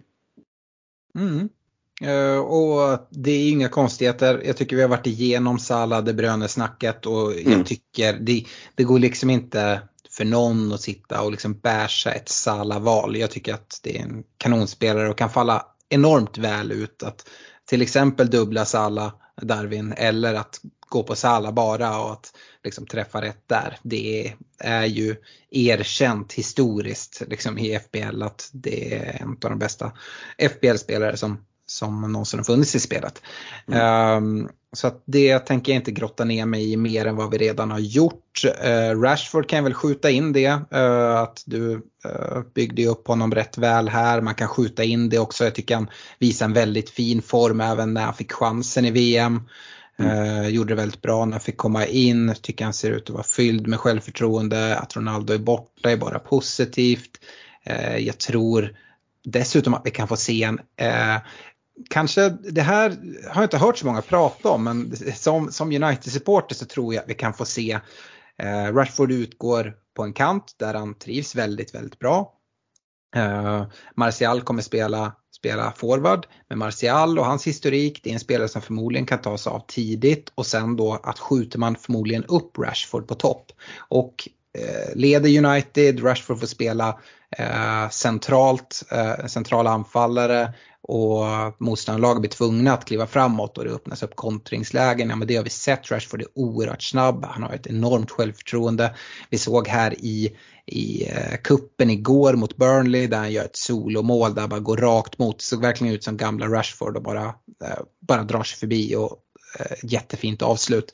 Eh, Rashford gillar jag jättemycket och United har ju tre riktigt, riktigt fina matcher 17, 18, 19. Sen kommer ju två tuffa matcher direkt efter varandra. Å andra sidan så är ju det Rashford-matcher. Eh, mm. Alltså där de får, får ställa om. Så jag, jag, tycker inte heller att man har låst in sig på att kliva ifrån honom. Eh, sett vissa byggen där man kör Rashford och Martial. Men det kanske kommer kännas lite väl när man kommer in i det spelschemat. Men att sitta kvar med Rashford över när de ska möta Arsenal och sådär. Ja, men det ser jag inga jätteproblem med. Så att jag, jag gillar verkligen Rashford-valet. Um, mm. Uh, så. Eh, det där vi egentligen kan stanna upp är ju, är ju Zaha, eh, där du har valt att kliva in eh, och jag håller mig borta. Eh, du nämner att han är straffskytt, jag vet inte om det alltid är en fördel. Jag har suttit med honom tidigare. Eh, alltså det är ju det är en pers när Pellas får straff om man sitter och kollar på matcherna och har Zaha. Eh, men sen dessutom så är det väl den här flexibiliteten. Du säger att du har 0,2 på banken, du vill ha en 8,0 mittfältare. Det har du ju inte i Zaha. Um, utan det kommer krävas flera byten. Vill du dessutom säga att du skulle vilja att din citymittfältare komma eh, till en Phil Foden, ja men då är det inte 8,0, då är det 8,2. Kan han ha stigit ytterligare? Ja, möjligt. Mm. Uh, jag tycker det är flera sådana spelare som är där. Så flyktvägen från Zaha, ja men det blir Mason Mount då, alltså att man får gå, eller en Trossard, alltså att man får gå neråt snarare än att kliva upp till en eh, Kulusevski eller motsvarande. Uh, så det, är det någonting du liksom har mm, jobbat lite kring eller? Nej, men jag är medveten om att det kan komma att krävas ett, ett dubbelbyte där till exempel. Eh, mm. För att kliva på till exempel Kulusevski om ett par gameweeks. Eh, mm. det, det, är en kalkylerad risk. Mm. Ska vi säga det också att i det här bygget så är ju mitt anfall detsamma som ditt. Håland, Darwin, Mitrovic. Mm. Eh, och det som jag har varit närmast att ändra egentligen det har ju varit att göra Darwin till Greenwood i Leeds och lösgöra eh, nästan 5 miljoner 4,8 mm. och sen göra Andreas Pereira i så fall till Phil Foden. Mm. Och då hade Walker kanske blivit typ Kokoreja eller White eller någon annan sådär som jag tyckte var intressant. Det är också en, en lösning eh, som på många sätt kändes väldigt bra men jag tror att Darwin Nunez kommer vara ganska högt ägd eh, och eh, det blir väldigt svårt att nå till Darwin Nunez eh, också om, om man väljer att gå med, med Sam Greenwood ska sägas. Men det är mm. fortfarande ett, ett reellt alternativ. Eh, mm. Jag känner mig inte egentligen speciellt så bekväm med med tre anfallare för jag tycker det är svårt med flyktvägar. För att mm. eh, det finns inte så många anfallare att fly till. Eh, så det är liksom fortfarande en, en högst potentiell lösning för att kunna liksom dels vikta City-delen lite mer offensivt eh, och, och och kunna få in en cityfältare för det är klart att det vill man ju ha egentligen. Men jag vet inte, Zaha med de här fina matcherna känns som att jag har fastnat för och då, då det, det, är ju som, eh, för er som lyssnar på det här, vi presenterar ju våra tankar. Sitter du själv med en tanke om att jag vill ha Almiron i mitt bygge som varken du eller jag har Alex och vi har inte ens nämnt honom. Och har du liksom stark magkänsla för det, då ska du såklart gå på det. Vi har inget facit om vad som är rätt och fel utan vi går på, men, eh, på det som vi känner utifrån dels vad vi har sett, statistik, eye-test. Men också ska ju till viss, en viss till viss del magkänsla och sitter man med en magkänsla för någon annan då ska man ju köra på det. Så att det, det, man kommer inte kunna ha alla spelare. Det gäller att hitta eh, vad man tror på och någonstans kunna motivera det varför. Sen, sen är det alltid lätt med facit i hand. det vet vi i, i, i eh, Messenger-tråden att du, ah, jag tänkte, jag hade ju honom ett tag. eh, och, och, så kan vi alla säga i efterhand men, men eh, det, är, det är extra tråkigt om man säger att man har magkänsla för en viss spelare, kliver ifrån och sen så levererar han. Eh, ja, och framförallt för om man kliver ifrån för att man ser massa andra på Twitter eller ja, några tyckare exakt. i någon podd hålla på och prata, prata ner någon spelare, prata upp någon annan. Uh, så att, eh, nej men det, det håller jag helt med om. Men, men vidare gällande Wilfred Zaha, jag vill liksom inte riktigt släppa honom här än. Jag tycker att du är alldeles för kortsiktig i, i ditt tänk. Jag förstår, du ser Fulham hemma, Bournemouth borta, men det är jättebra 17-18.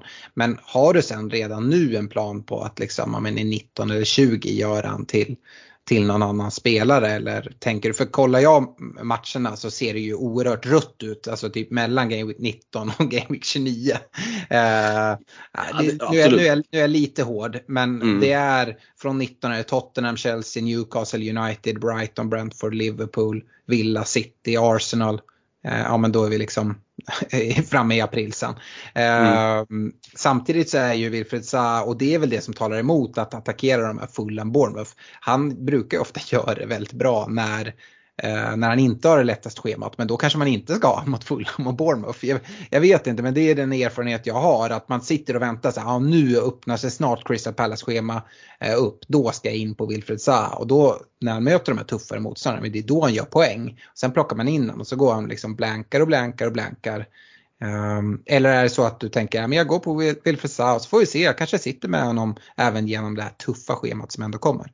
Ja, både och. Eh, är absolut så att han kan bli kvar och jag tycker att den här rankingen, det röda, jag tycker att det är lite så att man skrämselvarning. Alltså, Visst att Tottenham och Chelsea tuffa matcher. Newcastle hemma, eh, det är någonting annat än Newcastle borta. United borta, ja vi får se vad det är för United-försvar eh, som kommer tillbaka och, och ska spelas ihop. Eh, Brighton hemma, Brentford borta. Att de skulle vara liksom gråa i fixturen, ja, ja kanske. Ja, jag kan se Zaha, det är ju, du är inne på det lite, att han kan leverera lite i vilken match som helst. Och det kan mycket väl bli två blanks full en Bournemouth, men det är ju någonstans ändå så att det är ju lag som, som tenderar att dra ner folk i straffområdet. Det är lag som tenderar att släppa in mycket mål. När Crystal Palace gör mål så är Zaha ofta inblandad. Jag tycker att det finns värde här. Mm. Och, och, det är väl det till, till, till, till viss del också, den här magkänslan. Och, mm. Mm, då, då ska han sitta där åtminstone till en början. Eh, och du har en poäng i att det inte är superlätt att bara kliva till till exempel Foden. Eh, mm. Och det är någonting att, att, överväga och det skulle ju såklart lösas genom att göra Darwin och, och, och, Pereira till, till Foden och Greenwood. Men vi får se vad det landar i. Som det är just nu så, så är det det här och de fyra mittfältarna, Martinelli, Salah, Rashford, Zaha, de känner jag mig väldigt säker på som det känns just nu att de kommer sitta i, i mittbygget i Game 17. Mm. Eh, så här, jag, jag ger eh, ett oerhört lågt odds på att Wilfred Zaha kommer vara ur ditt lag innan, liksom, innan mitten på januari. Eh, om du väljer att starta med honom. Eh, och då tycker jag att det är ett alltför kortsiktigt val. Och som sagt, jag tycker att du har ett problem vart du ska röra dig ifrån honom. Eh, så det är väl liksom det, det som jag ser. Mm. Men med det sagt, uh, han sitter i mitt bygge nu. alltså jag hade Game Week 16. Jag har suttit med honom och det är en frustrerande spelare att äga uh, ganska ofta. Uh, så det är sådär hur långt tålamod man ska ha med honom. Men ja, gällande anfallet, jag har inga egentligen saker att skjuta in. Jag har ju samma anfall själv. Det som är är väl att du har både Sala och Darwin och då lägger väldigt mycket utav dina resurser där. Eh, och jag vet att du ändå är bra på att skilja liksom dina lagsympatier från, från FBL så jag tänker inte gå in på någon anklagan där. Ehm, men det här laget bygger ju mycket på, alltså om man kollar template-laget och vart du liksom ska, ska ta poäng på dem före och dra ifrån dem bakom. Eh, det kommer bygga oerhört mycket på att eh, Liverpool och då specifikt Salah och, och Darwin gör det väldigt bra. Mm, så är det. Eh, och, och, det har ju banne inte sett superlovande ut under, under hösten, det ska gudarna veta. Men eh, Salah har fått sin vila under VM, Darwin åkte ut ganska tidigt. Eh, har ändå sett fin ut här sen han kom tillbaka och gjorde väl lite poäng här nu, sneglar lite mot telefonen för att se att jag visst tyckte skymtade ett Darwin-poäng mot, mot City också. Så att, eh, även om de ligger under. Eh, och då en assist i Salah där. Eh, jag, jag, tror att den kombinationen kommer att, att kunna vara ganska liksom, förekommande om Liverpool får lite, lite gas på anfallsspelet. Eh, mm.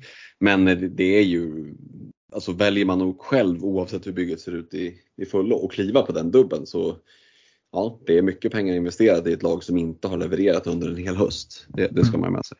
Mm, ett lag, Liverpool, med som sagt en hel del skador och lite sämre bredd. Där ser vi en James Milner, åldrad, som kliver av eh, skadad. Då.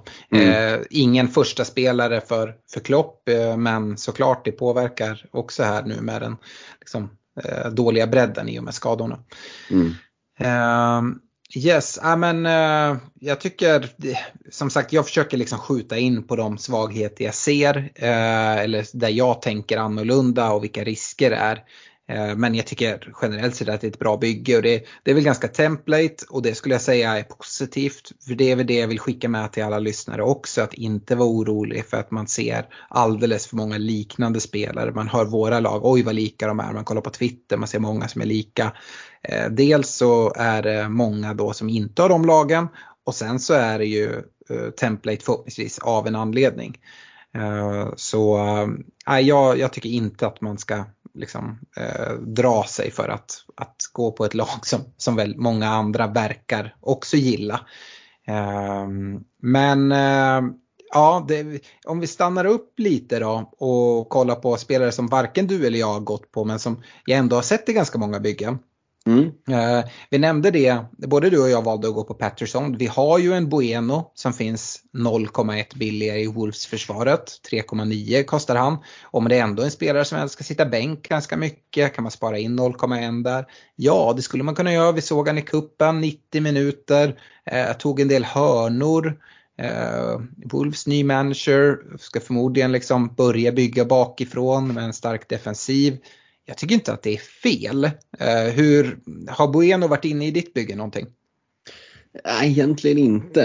Eh, det är ju en ny bekantskap och, och kommer han att spela vecka ut och vecka in? Det, det, Det ser jag faktiskt inga som helst garantier för under en hel säsong. Som du säger, han ska ju mest hitta bänk men om jag någon gång ska behöva ta in honom så vill jag gärna att han spelar. Tror att Pettersson har större chans att lira och, och eh, ja men jag vet inte vad vi ska kalla det, magkänsla. Det är svårt att gå på jättemycket statistik från spelare som Bueno som inte har spelat så mycket men det är ganska ovanligt att en spelare liksom kommer upp underifrån och spelar varje match andra halvan av säsongen. Jag eh, vet inte riktigt om han är tränad för det. Eh, och det finns ju konkurrens på den där positionen. Eh, så att, mm, ja, mm. jag, jag håller Pettersson före, det är 0,1. Sitter man och har ett bygge där 0,1 är liksom det man är ifrån och vara ifrån sitt liksom drömbygge, då absolut, då hade jag kunnat sett det. Men jag håller Pettersson snäppet före ändå. Mm, ja, men jag håller också honom snäppet före, ungefär 0,1 före. Eh, jag, jag, tycker att, jag tycker att det är oerhört tajt dem emellan. Det kanske blev 0,2 före nu när Everton eventuellt kan ha en dubbel här mm. ganska snart. Uh, men eh, Bueno, jag tycker att det är ett fullgott alternativ till Patterson eh, skulle jag vilja säga. Eh, kopplat till att han är lite billigare också och kan mest ändå ska sitta bänk. Jag tror att han kommer få speltid men det är ju det här just tror. Jag känner mig tryggare med Pattersons speltid än vad jag gör med Bueno och det är det jag vill ha från en bänkspelare. Jag vill inte att när jag väl behöver honom, ja men då helt plötsligt så är han petad ur elvan. Och man, man riskerar ju att låsa sig fast och där skulle jag verkligen vilja gå in på det här igen. De här eh, som kollar på ett bygge att ha både Patterson och Bueno. För det är ganska många som jag har sett göra det. Det är svårt att fly därifrån. Säg att Bueno helt plötsligt tappar sin plats, Pettersson skadar sig igen eller någonting sånt händer. Då helt plötsligt sitter man där. Eh, så att, ja, det, det hade inte jag känt mig bekväm med, att gå in med två sådana spelare i försvaret. Är det någonting du har fingrat mot att gå, gå dit? Nej, nej verkligen inte. Utan jag kommer vilja ha någon där i lite lägre midprice. Eh, där jag satt med Walker och du med, med White. För där, där finns mm. det mycket liksom göttigt att gå till och det finns många flyktvägar. Och det, blir också väldigt sårbart annars för att mm. tre backar är det och tre backar om en av dem är Reece James, ja då bör man verkligen ha liksom backup. Eh, mm. Så, så att, eh, nej, jag tycker det känns det som är intressant, ingen av oss har ju faktiskt nämnt eh, Trent eller Robertson. Där ska vi ju säga att Trent Alexander-Arnold inte ens är med i truppen eh, när Liverpool möter City. Jag vet inte, inte sett så mycket rykte men det måste ju vara någon form av skadekänning eller sjukdom eller någonting. Eh, mm. Robertson från start. Eh, spelar ju i alla fall. Eh, mm. Men om Trent inte ens är med i truppen här nu så känns det ju inte jätte liksom om det var någon som hade magkänsla för honom inför Boxing Day så där är den var bortblåst nu. Har du någon, har du någon koll, fick eh, Trent något extra ledigt efter, efter VM med England? Även om han inte spelar Nej. just att innan han kommer tillbaka och sådär. Precis, det har jag inte sett någonting om faktiskt. Mm. Det eh, skulle kunna vara något sånt. Jag tänker mm. Robertson som har varit hemma och, och, tränat hela tiden eftersom att han representerar Skottland. Eh, att det kan vara därför och att Trent kanske är tillbaka i träning och så men han i alla fall inte riktigt sådär att eh, man kanske kommer tillbaka alldeles för nyligen och sådär. Skulle det kunna vara men då blir jag ju också lite lack. Känner att har man liksom, ja men han borde ha sån jävla liksom, nu ska jag visa den där trötta jävla Southgate att jag ska lira feeling snarare mm. än att jag drar på solsemester. Liksom. Mm. Men ja, eh, det är väl vad det är. Jag tycker att han känns kall. Mm. Så han får väl överbevisa mig ganska mycket innan det blir aktuellt. Robertson ska jag väl skjuta in. Jag tycker inte det är något fel alls i honom. Problemet är väl att liksom, jag har redan gått big at the back med Cancelo och James Trippier. Att liksom mm. gå på någon fyrbackslinje med Robertson, men det har aldrig varit aktuellt. Och tycker heller inte att det finns riktigt argument att peta någon av de här för Eh, Eh, för Robertson. Det skulle vara Cancelo, alltså att man går på Ederson för att liksom täcka City-defensiven. Eh, om man inte gillar målvaktsalternativen som vi ändå har bollat upp här. Eh, ja, det är inte för mig, men jag skulle kunna se att det skulle man kunna göra då. Um, annars så. Sen så tycker jag att vi, vi pratade det att liksom inte gå på Patterson Bueno utan att hitta en mid-price eller liksom en så här lower mid-price eh, försvarare. Eh, jag pratar eh, White, du, du pratar Walker som jag inte alls gillar. Det är ju också att vi, ingen av oss har någon United-försvarare och vi nämnde att de har riktigt bra spelschema. Uh, hur har ditt resonemang gått kring det här? Jag har ju såklart väldigt stark syn på det och jag tror, var det inte förra avsnittet vi, vi pratade om det, du, jag och Stefan mm. och um, där ni lät betydligt mer sugna på en uh, United-försvarare än vad jag var och jag var väldigt mycket mer inne på Reece James. Ja, nej, men Dalot har väl varit den man har spanat mot eh, i United-försvaret. Men i och med att de, får vi kalla dem för ordinarie mittbackarna, ändå gick, eh, gick långt, gick till final eh, i varsitt lag. Eh, plus då att han dras med någon form av ljumskskada. Så, så känns det ju helt iskallt för min del. Mm. Eh, och kliva in på United-försvaret och det är väl framförallt Dalot som var intressant. Eh, men... ah, jag, tycker, jag tycker Shaw är, liksom, det är verkligen en så här, ja men Patterson Bueno grej. Alltså, jag tycker att Luke Shaw är eh, faktiskt riktigt intressant ur ett fantasy-perspektiv. Mm, ja, ja, det är inte för mig. Eh, men, men eh, jag vet inte, jag känner inte att jag måste in i Uniteds defensiv. Eh, utan då är det ju liksom mycket mer fokus Rashford och, och eh, som läget är just nu så har jag ingen supersug på att bara lassa in allt för många spelare från United innan och se vad de går för under våren här. Mm. Utan då är det de här komplementspelarna. Nu kostar ju både Dalot och Shaw 4,8 så det, mm. det, är liksom inga pengar att prata om. Så det, det är ju en, har man magkänsla apropå det, för, för någon mm. av dem så, så, är det väl en sak. Det är ganska billiga pants att, att ta. Um, och skulle det vara så framförallt så att, att United gör väldigt bra ifrån sig så är det ju en lätt väg dit. Så att, eh, vi brukar ju prata om ibland den här watchlisten och, och där eh, ska ju United-försvaret definitivt upp. Eh, för är det så att, att eh, det sker spikar igen och, och, laget ser bra ut så finns det ju ganska enkla vägar in om inte annat. Mm. Nej men uh, Martinez och, och Varane är ju borta. Eh, det kommer att vara till Game 17. Uh, eh, och det väger såklart in tycker jag i mitt val att inte gå på, på dem. Jag tycker dessutom att jag hellre går in i Arsenal-defensiven med en Ben White än på Shaw eller Dalot.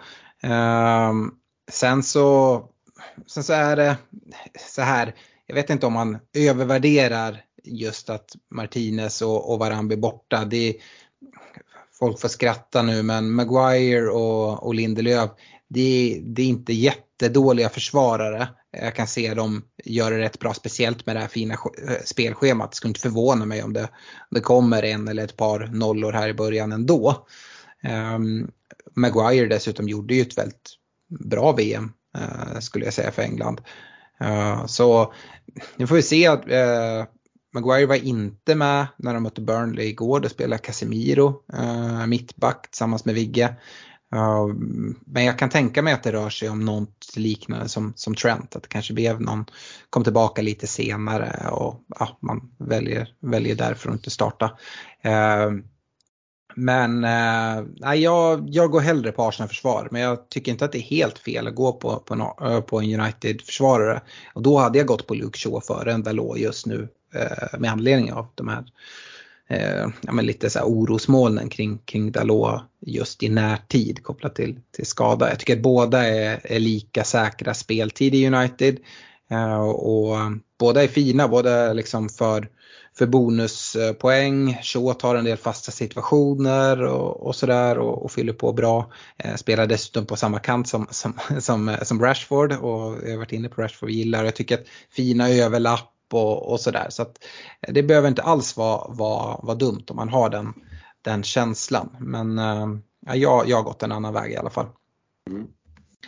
Eh, och det är väl liksom de, de, de spelarna jag skulle vilja lyfta som vi liksom inte har gått in på. Vi har ju pratat mycket om de här eh, 8,0 mittfältarna och däromkring. Vi, vi har inte pratat så mycket andra anfallare. Uh, och det är för att det, ja, men det, jag tycker det. Uh, jag vet att du inte håller med om det men Eh, jag tycker att en Callum Wilson till exempel är väldigt stark. Eh, starkt alternativ på, på anfallet. Eh, Martial ser en del bygge men jag tycker att det räcker med Rashford där och det är väl anledningen.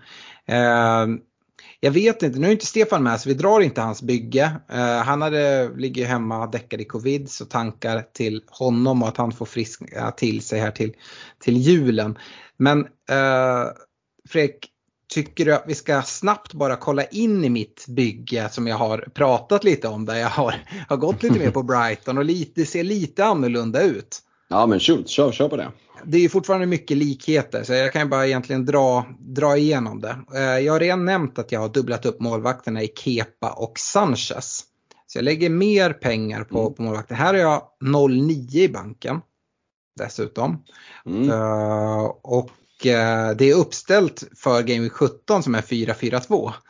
Eh, Trippier, James Cancelo är fortsatt där, eh, ingen chock. Men jag har även en eh, Louis Dunk som fjärde försvarare där.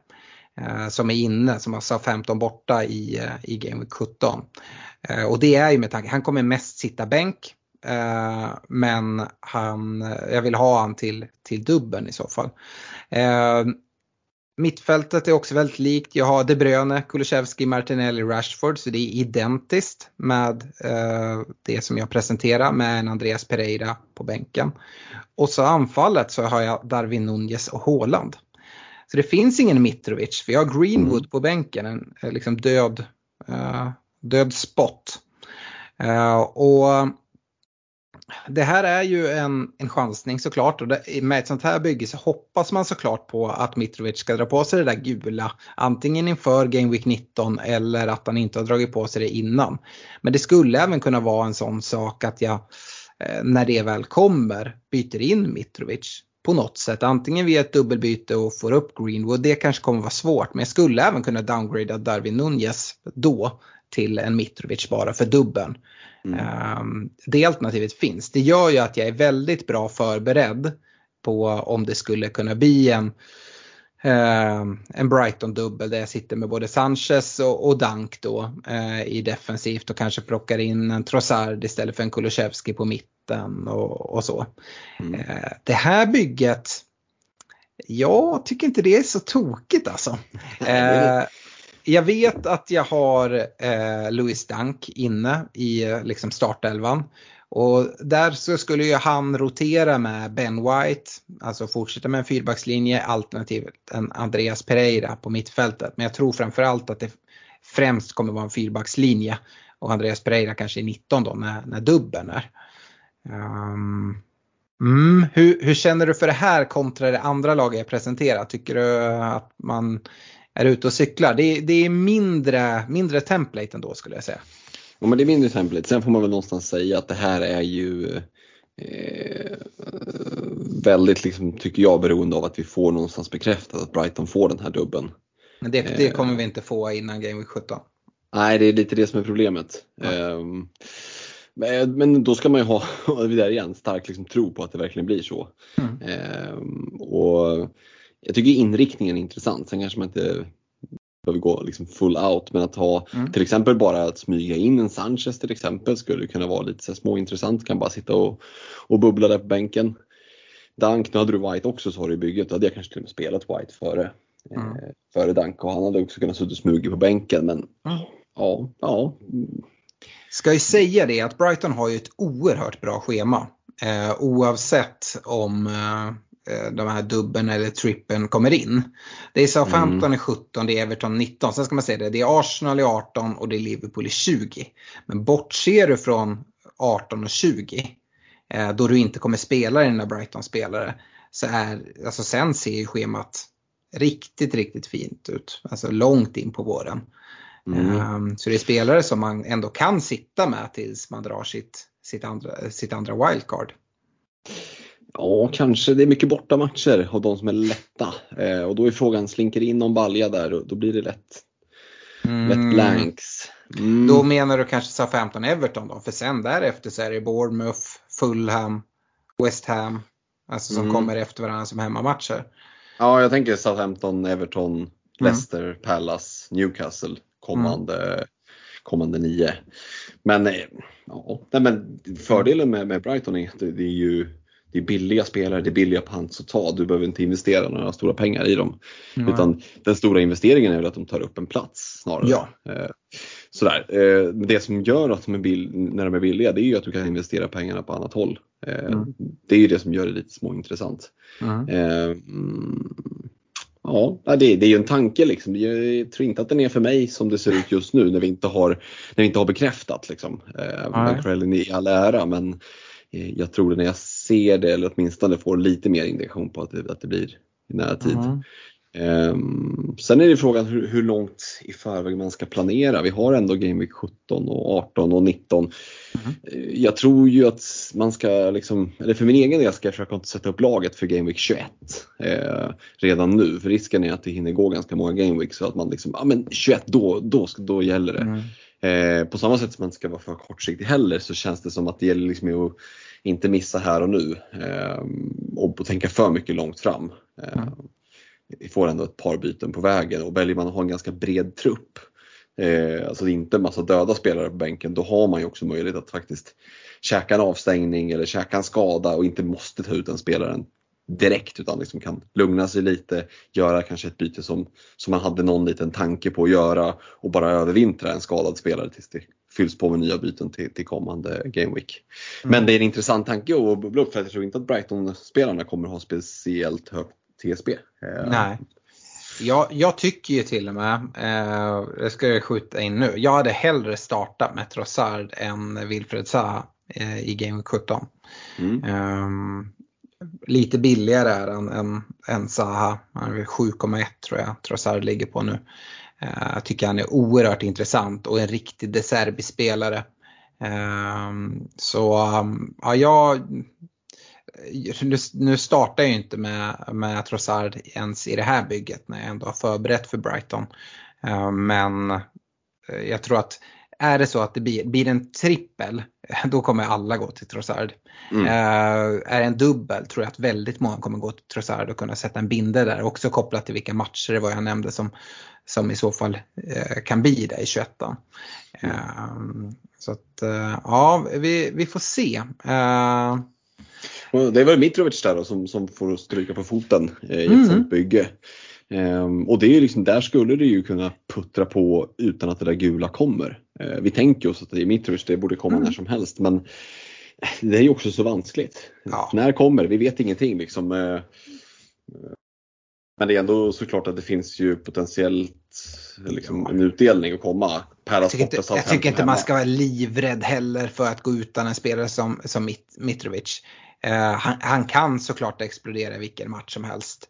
Men uh, ja, alltså jag tycker inte det finns några liksom, givna garantier. Han har gjort det bra hittills. Um, mm. Och uh, kan absolut fortsätta göra det här på straffar. Men uh, jag, jag, jag, skräms inte jättemycket av det och det är ju en sån där, han kommer ha en hög TSB. Uh, det man kan skjuta in är väl att folk kan ha vält, eller kan ha en del uppbyggt värde i honom. Det har inte jag. Eh, jag hade honom länge men bytte ut honom här i, i slutet. Så att det, mm. det gör ju att för mig är det liksom så här, sak samma. Jag förlorar inga pengar på att inte gå med honom i Game Week 17. Och det är ju någonting som var och en får gå till, till sitt mm. eget bygge och tänka efter, okej okay, hur länge har jag suttit med den här spelaren apropå sådana som mm. Mitrovic, Martinelli, vi nämnde ju aldrig Ödegård, Saka där som ju såklart är mm alternativ om man har feeling för någon av de andra men då är ju ett eventuellt uppbyggt värde en parameter ska man säga. Mm. Verkligen.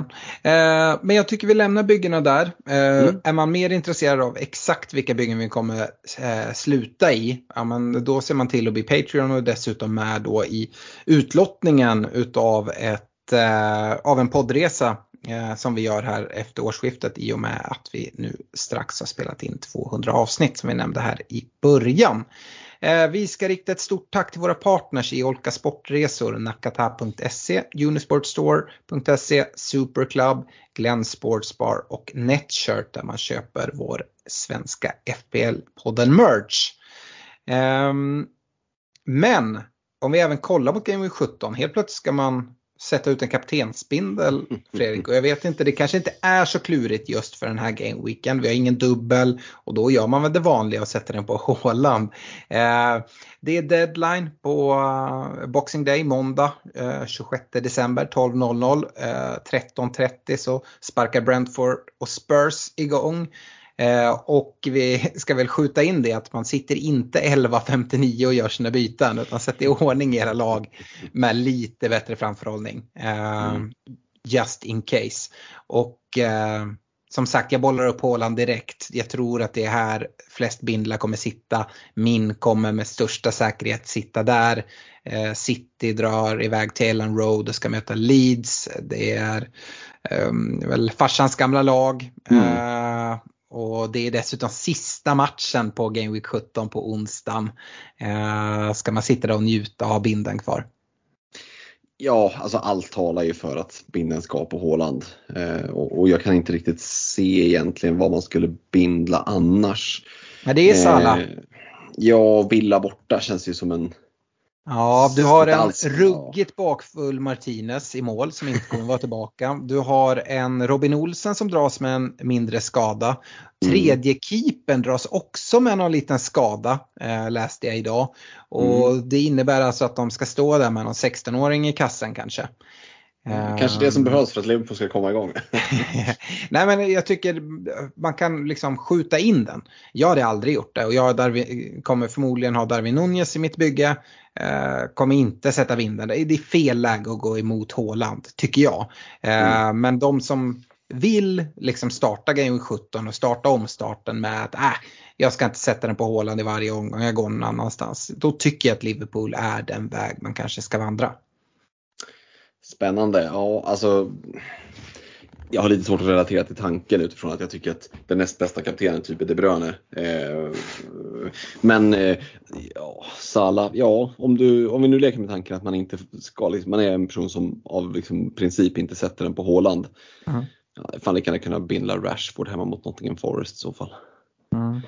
Eh, 21.00 hemma, Forest borta vet vi ju kan vara riktigt rackiga. Eh, visserligen så kommer de ju ligga ganska djupt och det är kanske det som talar emot men eh, ja, nej, jag vet inte, det känns som riktiga halmstrån att greppa eh, mm. när City har det. Och som du säger, det är också lite psykologiskt, man ska ju kanske inte tänka så men sista matchen eh, Jämför det med till exempel Spurs som har Brentford borta tidiga matchen på Boxing Day. Mm. Eh, det, det, är ju inte samma feeling som när, strål, när strålkastarna Kane-binden.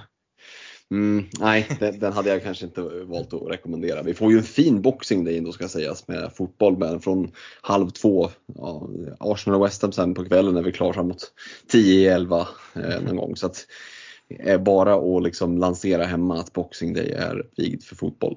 Åh, får se hur mycket familjetid. alltså jag tror jag svårt kommer komma loss allt för mycket. Jag, jag, är glad att United spelar sena matchen där sen på på, på tisdagen. Då mm. sover barnen och sånt. Den, kan man, den kommer jag definitivt kunna se liksom, när den inträffar och inte i efterhand. Eh, och Arsenal, West Ham lär jag se också. Eh, så får vi se, jag ska försöka trycka in så mycket fotboll som möjligt. Men det gäller mm. att sälja in där hemma också. Mm. Eh, bra, du, eh, det är väl lika bra att gå vidare till lyssnarfrågorna. Det har ju kommit en hel del. Ja men vi kör. Mm. Eh, vi börjar med Jon Dahlström. Här är en perfekt fråga för dig Fredrik. Han undrar vilken cityback eh, man ska gå in på. Det känns som att man kan gå lite billigare alternativ i city. Då har vi ju en Kyle Walker där. Jag tycker att man eh, ska gå på Jao Cancelo eh, till att börja med. Det är den bästa backen. Det är därför han kostar mest. Eh, sen har jag lite feeling för, för Kyle Walker och, och tanken att kunna dubbla upp till en eventuell City-dubbel. Eh, mm, det, du har det inte, jag har det. det. det. säger ju det mesta. Sitter man själv och, och, känner att ja, men jag tror att man kan gå och in. Det är lite lurigt skulle jag säga på, på mittbacksfronten. Där har det ju tidigare kunnat funnits liksom, ja men Ruben Diaz, han, han eh, vilas inte. Men det har vi ju sett att han har gjort ganska, ja, men ganska mycket mer än vad man kanske trodde inför säsongen eh, under hösten. Så att mittbackarna känner jag mig livrädd för att, att poängta ut vilka två som, som kommer att spela mycket. Då, då tror jag liksom att det finns lika stor chans att att Kyle Walker får spela. Eh, som att någon av dem där inne i mitten eh, ska liksom spela match ut match in för så har det ju inte sett ut eh, första halvan av säsongen. Mm. Jag, jag, tycker inte alls man går på Kyle Walker. Det har jag argumenterat för, det ska vi inte sitta och fortsätta med. Men eh, Akanji har ju fått oerhört mycket speltid eh, i City. Och det tror jag han kommer fortsätta få. Eh, så att eh, ska man gå någonstans så går man på Akanji. Men jag tycker inte man låser sig ut utifrån eh, en City-mittfältare. För Håland har man, Cancelo tycker jag man ska ha. Eh, är det så att man väljer att gå på en annan City-försvarare då hade jag inte gått på Cancelo. Då hade jag gått på Akanji och Håland och hållit en liksom, mittfältsplats öppen för City snarare. Eh, och det hade jag varit närmare att göra än att eh, gå Cancelo och Akanji eller Cancelo och Walker. Eh, det, det är min känsla. Eh, och som sagt, går man in och kollar liksom Akanjis speltid, den är helt galen. Och jag tror att Akanji är en sån spelare som också kan kliva ut på kanten och liksom stjäla speltid från en Kyle Walker till exempel. Um, och kanske inte framförallt på det sättet utan då kanske Akanji kliver ut på vänsterbacken och Cancelo kliver över på höger. Men um, mm. Mm. Bra. Eh, Niklas Bengtsson, eh, han undrar hur vårat sug för Almiron ser ut. Är hypen förbi eller tror ni på fortsatt leverans? Och, eh, varken du eller jag hade ju Almiron eh, när vi gick igenom. Vi nämnde han lite kort, eller du gjorde det. Mm. Eh, tror jag att om ni har känsla så, så gå på den. Eh, jag har faktiskt inte haft Almiron in i en enda draft. och det kanske är korkat av mig.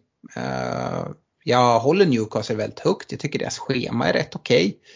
Okay. Men eh, ja, dels är jag väl osäker. Jag, jag, tror att verkligheten kommer komma ikapp Almiron. Eh, och sen så utöver det så eh, han är svår att fly ifrån. Mm. Uh, är det så, det finns så mycket mittfältare jag vill ha och då vill jag ha lite mer pengar i dem. Eh, det är lättare för mig att gå från Rashford till Almiron än tvärtom. Uh, eller någon annan, Martinelli till Almiron eller vad, vad det nu må vara. Um, så jag gillar mer att ha den möjligheten men det kanske är så att jag liksom tappar hur mycket poäng som helst på det, att Almiron bara fortsätter att gå som tåget. Och då får det väl vara så, men det är min magkänsla och som sagt den Magkänslan är kanske inte framförallt att Almiron helt kommer sluta göra poäng utan den är mer att om han gör det, vilket jag inte ser som omöjligt, vart går jag då och inte ser någon väg. Eh, så det är det jag är mer orolig för. Det är om jag skulle ha så mycket pengar att jag skulle liksom kunna göra Andreas Pereira till Almiron. Men det vet jag inte ens om jag lockas av heller för jag tycker Almiron, eh, då ska han sitta bänk ganska ofta. Och nej, det tycker jag inte heller är riktigt korrekt. Hur, hur har dina resonemang gått? Nej, men det är ju lite just det du var inne på i slutet här att det är för mycket pengar att sätta bänken och då ska han spela varje match. Eh, och ja, det är, kön är fan lång in på mitt mittfält alltså. Han kan få ställa sig i kön men det kommer dröja ett tag innan han kommer in i så fall. Eh, mm. Så att han gör sig nog icke besväret som det ser ut. Sen om det är så att han bara fortsätter att flyga på det här helt sjuka sättet och helt osannolika sättet, ja då får man väl börja överväga det. Och som sagt, du var inne på det, det är inte svårt att gå dit. Eh, så att, nej, eh, det är väldigt trångt på mittfältet och för min del så känns han inte sådär hyperaktuell eh, mm. faktiskt. Eh, mm.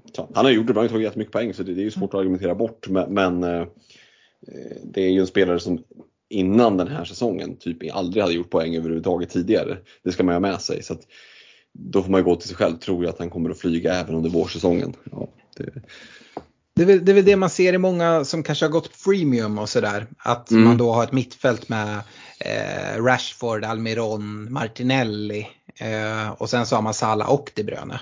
Mm. Och som sagt, ja det är, det är ett sätt. Jag ser ju problemen i det. Att om man vill gå ifrån någon av de här så har man inte så många vägar att gå. Utan då måste man ta bort en av sina eh, tre premium för att få pengar för att göra någon upp dem till 8,0. Det kan man såklart göra. Men kommer man vilja det? Om du nu, just nu är så supersugen att gå på tre premium. Varför skulle du liksom vilja släppa någon av dem då? Mm. Eh, ja, nej, jag, jag, tycker att det är svårt. Jag tycker att det blir ganska oflexibelt. Jag gillar att ha lite prispunkter att jobba med. Det var det, det jag också tyckte var jobbigt med din Saha. Att det var lite svårt att kliva upp utan att göra dubbelbyten och sådär. Mm. Uh, och där svarar du väl också på Mattias Torbjörnssons fråga, Almiron eller Rashford. Jag säger Rashford alla dagar i veckan. Eh, mm. både för jag ser liksom en större potential eh, här på kort sikt. Eh, men sen också att det är så mycket enklare för mig att göra Rashford till Almiron än tvärtom. vi svarar även på Alexander Jakobos fråga, Pereira eller Almiron. Då tänker jag att man tänker spelaren som en femte mittfältare. Mm. Eh, och då är svaret Pereira för mig alla dagar i veckan. Är det så att det är ett femmanna mittfält att kolla på däremot, ja men då tycker jag absolut att det finns ett case att Almiron är din femte mittfältare om du har tänkt att spela den här femte mittfältaren eh, vecka efter vecka. Imagine the softest sheets you've ever felt. Now imagine them getting even softer over time. That's what you'll feel with Bowl and Branch's organic cotton sheets. In a recent customer survey, 96% replied that Bowl and Branch sheets get softer with every wash. Start getting your best night's sleep in these sheets that get softer and softer for years to come. Try their sheets with a 30-night guarantee. Plus, get 15% off your first order at bowlandbranch.com. Code BUTTERY. Exclusions apply. See site for details. You should celebrate yourself every day, but some days you should celebrate with jewelry. Whether you want to commemorate an unforgettable moment or just bring some added sparkle to your collection, Blue Nile can offer you expert guidance and a wide assortment of jewelry of the highest quality at the best price. Go to BlueNile.com today and experience the ease and convenience of shopping Blue Nile, the original online jeweler since 1999. That's BlueNile.com. BlueNile.com. Mm. Eh, Alexander undrar också Reece James eller Robertson och det har vi varit inne på när vi kollar på våra byggen. Att, men jag, jag är beredd att chansa med Reece James trots att han varit borta en längre tid på grund av skada och sådär. Eh, jag tycker att uppsidan är eh, väldigt stor. Det skiljer också ganska mycket pengar mellan Jag tänkte säga det, det, det, är ju inte en helt snäll jämförelse därför att eh, Robertson har ju faktiskt eh, kostar ju väldigt mycket mer. Mm. Så det, Mm. Eh, nej men som sagt, eh, jag, jag håller Reece James eh, som en spelare som jag, dels är lättare att få in i bygget men också en spelare som jag ja, men hellre satsar eh, mina pengar på. mm.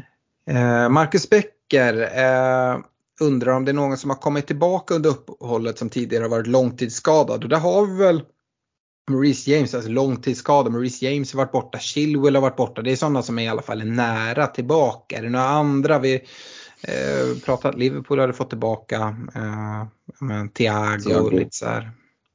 Ja, precis. Eh, Martial. Martial är tillbaka. Vi tror att Kepa är tillbaka. Eh, Ja. Som, som ju, eh, Eh, Det, det enda man kan skicka med där till, eh, till Marcus det är väl att vara lite sådär försiktig med sådana som har varit borta länge. Det är tajt spelschema eh, och det kan innebära att kom, de kommer matchas in lite mer långsamt och även att man kan få bakslag eh, när han kommer. Eh, Med det sagt så har vi ändå valt att både du och jag går på en på en Reece James. Vi tyckte Kepa var intressant. Kepa kanske Mm. inte på samma sätt som målvakt just att den här eh, liksom, risken för rotation är, är lika stor. Men eh, jag tycker att det måste man väga in. Det tycker jag man ska väga in även när man kollar på Reece James. Ska jag gå på det eller liksom ska jag inte gå på det? Jag är beredd på att Reece James mycket väl kan få liksom, liksom, sitta bänk i, i Game Week 18 kanske och så får jag Mm. plocka in en, en bänkspelare. Eller att han får sitta bänk och, och byts in och får 10 minuter. Eller att han spelar och byts ut i 55. Man kommer svära lite men det får man ta och så hoppas jag att Reece James kommer leverera sina liksom, double digits i någon annan Game Week istället som vi vet att man har potential till. Mm. Ja men verkligen så. Ska vi lämna det här och spelare tillbaka? Jag såg att det snackades lite om en Alexander Isak. Jag vet inte om han är fullt tillbaka än men där är det verkligen så att de kommer förmodligen att matcha in honom väldigt, väldigt eh, mjukt och, och där är det väl medskicket att inte låta Sverige hjärta ta över utan ja, om han ska bli aktuell igen då ska man se att han är tillbaka och verkligen spelar matchen. Men de, de har ingen stress heller för att allting Nej. lirar så bra med det, det de har nu. Det är snarare ett problem. Hur ska de få in Isak? Och det är Mm. någonting som kanske talar emot Almiron. Att Okej, skulle Almiron ha lite sämre matcher och alla komma tillbaka, Saint Maximan, Wilson, eh, de ska få in Isak. Ja, men, ja vart ska han spela? Mm. Ehm, så att, nej, men det, det jag håller med dig, det gör ju att eh, Isak är liksom en, en, en bit bort förmodligen. Mm, mm. Han har väl fått något bakslag också tror jag. Mm. Så. Eh, Johan Sjögren också eh, undrar lite kring status på spelare. Dalot, Wilson och Kepa undrar han. Eh, och mina gissningar är väl så här. Alltså Wilson har inte jag hört något att han ska vara borta. Eh, Kepa tror jag kommer starta Game 17. Men det är möjligt att han inte gör. Men väljer man att gå eh, Kepa Ward som, som du, du presenterar till exempel. Ja, men då har du ändå en liksom backup keeper. Så jag tycker inte det är ett jättestort problem. Jag räknar med att Kepa kommer ta den där första platsen eh, tids nog. Och då får man väl in honom då. då. då får man liksom, ja, det är inte hela världen. Det är Kepa ett jättebra alternativ av den anledningen. Dalot Eh, kommer vara given på högerbacksplatsen. Jag tror att det är en ganska liten grej. Eh, och han kan, skulle kunna starta Game Week 17 men det är väl favorit på att han kanske inte gör det. Eh, speciellt med tanke på att faktiskt Wan-Bissaka gjorde det riktigt bra mot Han gör ju en riktigt fin, fin assist till Erikssons 1-0. Ehm, men uh, han har varit väldigt långt från, från uh, laget i övrigt. Så att, uh, Eh, men Dalot ska in där. Eh, jag tror inte att det är något allvarligt men ah, det, det, är tillräckligt mycket tveksamheter. Så att, eh, hade jag velat starta Game Week 17 med United-försvarare hade jag gått på, på Luke Shaw. det här pratade vi mycket om för många, många veckor sedan. Men André Landin undrar bench boost tips. Vi har ju pratat om det att här är ju faktiskt möjligheten precis som inför Game Week 1 att göra Ehm, eh, ja, men göra, använda ett wildcard och ett chip som bench boost i samma game week. Det får man inte göra annars. Um, är det någonting du har kollat mot och har du några tips gällande och bench boost? Eh, jag har inte kollat mot det själv. Eh, tips, ja. Jag skulle säga att tipset är att ha is i magen här faktiskt. Det kommer att komma en hel del doubles. Vi har redan nu samlat på oss lite matcher som inte är utplacerade. Det har kommit en del dubblar, det kommer att komma fler dubblar när, när kupper ska spelas eller det blir något omspel och det går vidare lag i, i både FA och ligacup. Så det kommer att finnas möjligheter framåt. Eh, sen därmed inte sagt att det liksom är helt galet att göra så som du säger, att behandla det som en, som en game week benchboost och verkligen ladda upp. Eh, då gäller det väl att tänka att man inte sitter fast med för mycket stålar på bänken framöver sen. Eh, för det är klart att det går att bygga ett kanonbygge liksom inför Game week 17 men du vill ju heller inte sitta med tre riktigt bra och ganska då förmodligen då dyra spelare på bänken för då blir din startelva för tunn. Mm. Eh, men mitt benchboost-tips är att inte dra det. Eh, mm. Och ska jag sen gå in på eh, tips i övrigt så är det ju, ja, men jag tycker inte att man startar med Ward Iversen eh, som målvaktspar eftersom du bara har en målvakt då. Eh, så att du behöver ha pengar till att ha två spelande målvakter. Eh, Ward Kepa till exempel skulle det kunna vara. Eh, och sen så är det väl liksom att inte tänka för kortsiktigt ändå. Även om du vill ha en bra benchboost så är det mer skulle jag säga att få benchboost ur världen. Så att du inte behöver mm. tänka på det sen. Uh, och så får du liksom väga det någonstans mot varandra. Man, man, måste vara lite kortsiktig när man ändå ska dra det men inte för. Så jag, jag, tycker att det är svårt och jag tycker inte att det riktigt går att jämföra med uh, förra säsongen när jag drog det i Game Week 1. Jag tyckte att det var ett mycket bättre läge då. Nu har vi sådana här spelare som är osäkra som kommer tillbaka som vi inte riktigt vet hur Kommer, kommer Reece James starta? Det kan vi inte vara helt hundra på. De här spelarna som har varit iväg eh, på VM. Liksom, ja, nej, jag tycker att det finns lite för mycket oklarheter och så här kring jul kan det vara så att eh, vi får ganska dålig inför information från, från, eh, från managers också. Eh, så att presskonferenserna kanske inte ger riktigt de svar som man ändå hade önskat. Eh, jag, jag hade avvaktat. Mm. Eh, Hampus Anestam undrar vilken formation vi anser vara den bästa och vem vår gubbe 14 och 15 eh, eh, är och hur mycket av budgeten man ska lägga på, på dem då eh, som mest ska sitta bänk. Och, eh, formation har vi väl båda gått på en 3-4-3 men jag skulle säga att 3-4-3 eller 3-5-2 det är oerhört tajt mellan dem. Mm, mm, verkligen så. Eh, och det, det, är mer liksom magkänsla på mm. vill du gå på och då skulle jag säga att det framförallt kanske är eh, Darwin eller inte Darwin och mittfältet. Vill du, eh, vill du liksom, är det verkligen fem eh, spelare som du inte kan släppa på mittfältet, då har det någonstans gett sig själv. Eh, Jag kan även skjuta in att jag tycker inte att Mitro är solklar. det, det kanske blev klart när jag valde att dumpa honom där i, Mm. i ett. Ehm, men jag skulle säga det, går man på en 3-5-2 då vill man trycka in mycket, mycket pengar på mittfältet och då tycker Mm. jag nästan att det är en självklarhet att eh, tredjeanfallaren är en icke-spelande. Alltså i Greenwood 4,2 till exempel, Ja, ja. väldigt billig i Leeds. För jag ser inte att man liksom har en Solanki eller liksom någonting där du ändå får en spelande anfallare som du har på bänken. Då är det mycket lättare att ha den i Andreas Pereira till exempel som vi har varit inne på som är en perfekt gubbe. Och där kommer vi in på det då vem gubbe 14 och 15 är. Andreas Pereira är perfekt i en 3-4-3. Och sen så har du också en, en riktigt billig back om det är Bueno eller Patterson. Ja men magkänsla men alltså någonstans där. Jag tycker inte att man ska behöva lägga mer pengar än så på liksom 14 eller 15 gubben. Den liksom eh, 13 gubben om vi nu säger att eh, reservmålvakten är 12 Där kanske man kan ha liksom en liksom, liksom en eh, mid-price back. Eh, Mm. Men eh, nej, annars skulle inte jag vilja lägga mer. Jag vill in med pengarna i 11. mm, samma. Eh, Josef Tonell är inne på det. Kan Ederson vara det bästa alternativet i City-försvaret och i så fall gå exempelvis på James före en Cancelo? Ja, alltså. Ederson, det, det, målvaktsprissättningen är ju spännande inför säsongen. Att de har ändå liksom tajtat ner det lite grann. Så att de, de har dragit ner eh, premium keepers till 5-5. Eh, Ederson är väl till och med nere på 5-4. Så att, oh, ska väl inte skjutas ner helt men för min del så är ju Cancelo given i bygget. Eh, och då blir det dubbel där istället. Ja. Mm. Det känns mycket pengar på, på målvakterna. Men Mm. ja, jag, ska, jag ska inte skjuta ner det helt. Jag kommer nog inte att göra så men, men eh, ja, fan. Mm. Jag vet inte vad du säger om det. Mm. Nej, ja, jag... Nej, jag vet inte. Jag, jag, jag är nog inne på ditt spår. Jag kommer inte göra det. Eh, säger inte att det är fel heller. För att jag tycker att Cancelo faktiskt är för högt prisad.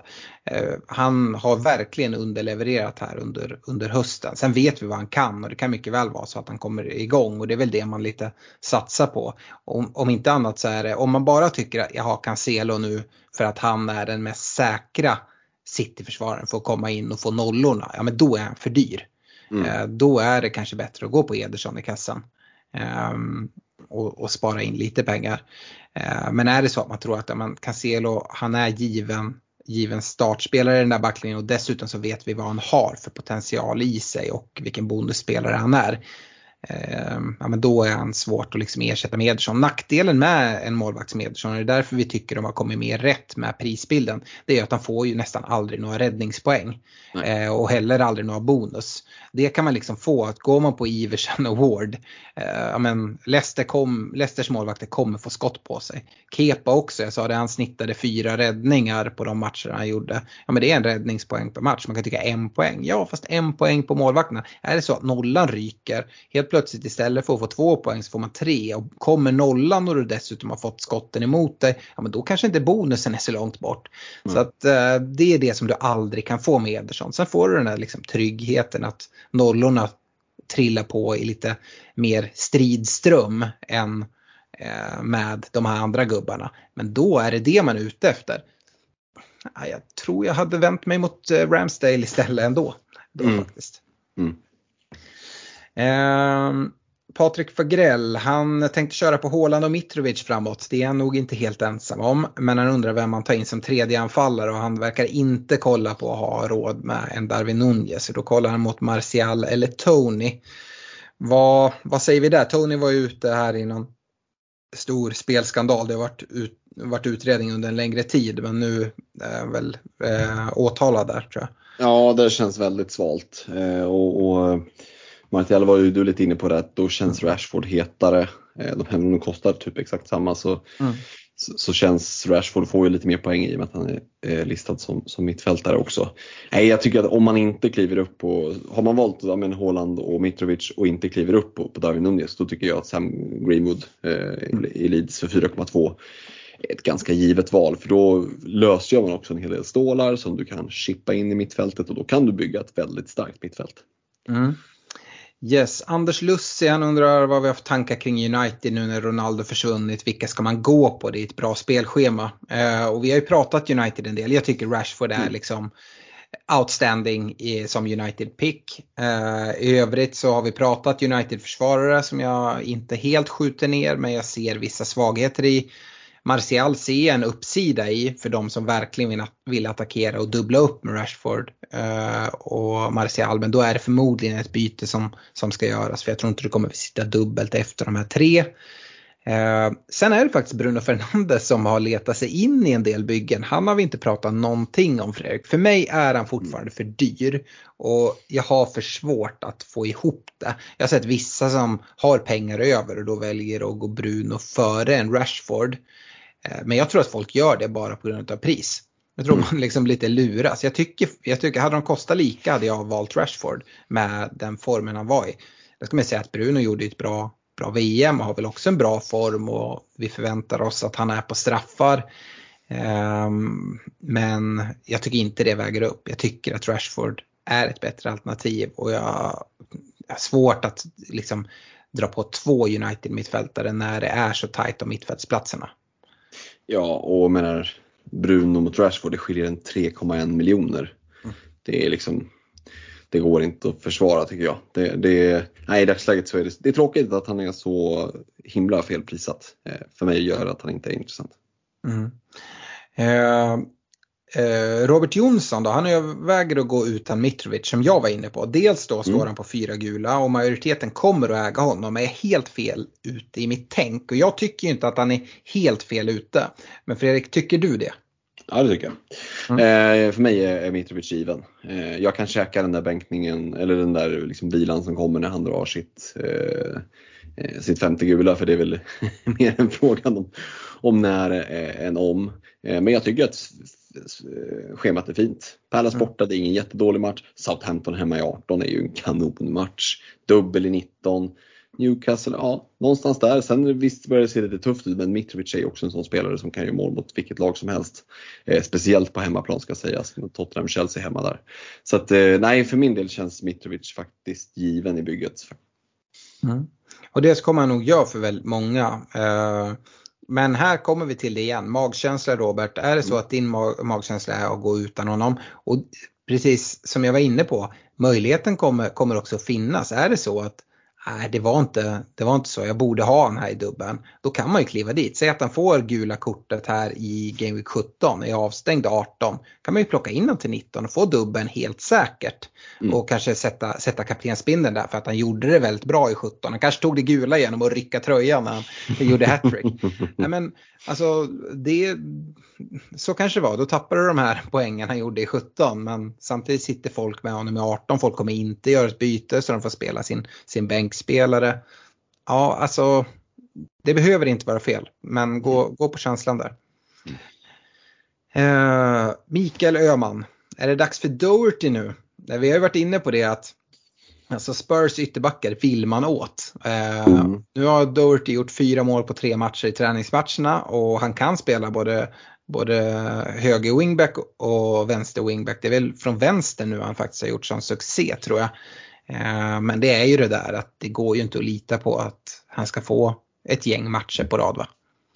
Nej men alltså visst att Perisic har varit borta men man ska också veta att han gjorde det jävligt bra i VM och, och, när han har fått sin vila och kommer tillbaka så aspirerar ju han definitivt på att spela.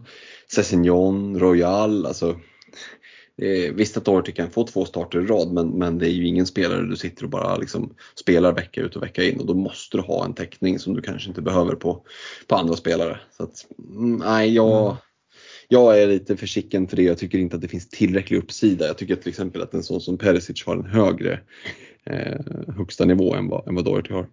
Mm. Ja, jag förstår Mikaels tanke kopplat på, på formen nu som han har gjort. Det borde väl ha gjort någonting med Conte också tänker jag. eh, och som sagt Perisic kan ju användas där fram också. Nu Richarlison borta, Son har väl liksom dragits med någonting också. Mm. Eh, så att ja, alltså skulle vi få sådana indikationer på att Doherty startar vecka efter vecka. Jag är inte beredd att ta chansningen redan från Game Week 17. Um, men uh, jag gillar ju Doherty oerhört mycket. Skulle vi liksom kunna få några garantier där, det kommer vi såklart aldrig få. Men om vi i alla fall får lite tendenser så. Alltså garantier vi kanske skulle kunna få det är ju att, att det sker, blir en skada eller ja. ett uttalande, någonting som gör att det känns liksom lite mer givet. Ja det är klart 4,6 det är ju, det är ju inga pengar att liksom chansa med så. så det, det är ju uppsidan med det. Mm. Eh, vi ska inte köra någon två timmars debatt på Camilla Ljungs fråga Sala eller Kevin De Bruyne. Vi har pratat mycket om det och som sagt jag tycker det finns case att gå för både den ena och den andra. Jag tycker det är svårt att få ihop båda tillsammans med Håland bara. Eh, avslutningsvis så skriver Jan Karlström en hel novell här med en hel drös frågor. Eh, om vi kollar lite, han undrar tre spelare från samma lag, bra eller dåligt? Ja, från Manchester City, bra. Um, övriga lag tycker jag inte att det finns någon så här, ja jag måste ha, jag vet att sett en del som, ja jag måste ha in tre Arsenals. Det uh, känner jag personligen inte alls och, och, jag kan inte se något annat lag heller där jag känner att jag måste ha in tre spelare. Tvärtom snarare att jag kanske vill vill sprida det lite. Det, det är väl just City där man vill ha täckning framförallt. Sen kommer det komma dubblar och sådär och då, då blir det ju någonting annat. Men så här initialt i Game 17 är det nog bara City för min del som, som det är aktuellt med tre spelare från. Mm. Han skriver de Gea Game Week 17 till 19, sen byta till Ward. Där är väl så här att, jag vet inte om man tänker då att han har båda och vem man liksom sätter som första målvakt. Ja, men då kanske mm. jag kan köpa det. Även om jag tror de Gea kostar nog samma som Ramsdale. Mm. Uh, och då hade jag hellre gått på Ramsdale. Uh, men det kan man väl göra men man planerar inte in målvaktsbyte. Uh, och jag tycker väl kanske Kepa Ward är faktiskt är bättre än de Gea Ward. Mm. så. Sen så undrar han varför i hela friden köra Foden före Kevin De Bruyne? Och jag tycker det är en väldigt orättvis fråga. för det är ju vad man gör. Det man gör är egentligen att man tar Salah före Kevin De Bruyne. Och man trycker in Foden, eller de allra flesta gör det. Mm. Eh, och det kan jag se ett case för. Eh, jag tror att de allra flesta tycker det att Kevin De Bruyne är ett mycket säkrare FPL-alternativ än vad Foden är. Men man kan inte ställa bara den emot varandra när det skiljer sig oerhört mycket i, i pris. Och börjar man då istället ställa två spelare, att du säger Sala Foden eller en Kevin De Bruyne och en, ja, vem det nu väljer, mm. Kulusevski eller mm. eh, Saka eller ja, vem det nu må vara. Ja, men då kanske vi kan börja jämföra någonting och då är det inte alls givet tycker jag på förhand. Jag tycker det är mycket väl eh, vara så att jag går helt fel på att välja bort Salah. Jag tror inte jag går fel på att välja Kevin De Bruyne. Utan det är snarare den man väljer bort som kan straffa en. Mm, så är det. Eh, bra. Eh, det blir ett långt avsnitt det här Fredrik. Mm. Um, och vi ska väl fortsätta säga det. Vi, det. Innan vi avslutar så slår vi fortsatt ett slag för att nästa gång vi är tillbaka då är det avsnitt 200. Eh, och som sagt jubileumsutlottning eh, för Patreons. Eh, om ni inte redan är det, se till att bli det. Ni blir det via svenska FPL nej, Patreon svenska FBL. Eh, och där är ni med och stöttar oss och som sagt utöver att vara med i utlottning så kommer ni in i vårt forum. Eh, och det är härligt och varmt där och eh, ja, men trevlig gemenskap och ni stöttar det arbete vi gör. Eh, vi är jättetacksamma för det, det som görs. Men eh, när avsnitt 200 blir, det törs jag inte säga men det kommer nog ganska snart eftersom att eh, ja, Game Weeksen Eh, löper i stridström här nu mm. i slutet av december. Eh, skicka väl in också att vi har ju bara två game weeks i december. Eh, så dels i poddligan så tävlar vi om ett eh, superclub-spel. Eh, så eh, det är inte så tokigt men om inte annat om ni är med i Glenligan så tävlar vi om en resa till London och Fulham till Craven Cottage eh, här i december och bara två game weeks. Så stort lycka till till alla er som är med där. Så eh, ja, det kommer bli en del tinkering här. Eh, så stort lycka till till alla eh, inför er uttagning av Game 17 och den sista medskicket är väl att gå på egen magkänsla. Ha det bra tills vi hörs igen. Hej då! Lycka till, ha det gott, ciao! Hi, I'm Daniel, founder of Pretty Litter. Did you know cats tend to hide symptoms of sickness and pain? I learned this the hard way after losing my cat, Gingy. So I created Pretty Litter, a health monitoring litter that helps detect early signs of illness by changing colors, saving you money and potentially your cat's life. Pretty Litter is veterinarian developed, and it's the easiest way to keep tabs on your fur baby's health right at home. Go to prettylitter.com and use code ACAST for 20% off your first order and a free cat toy. Terms and conditions apply. See site for details.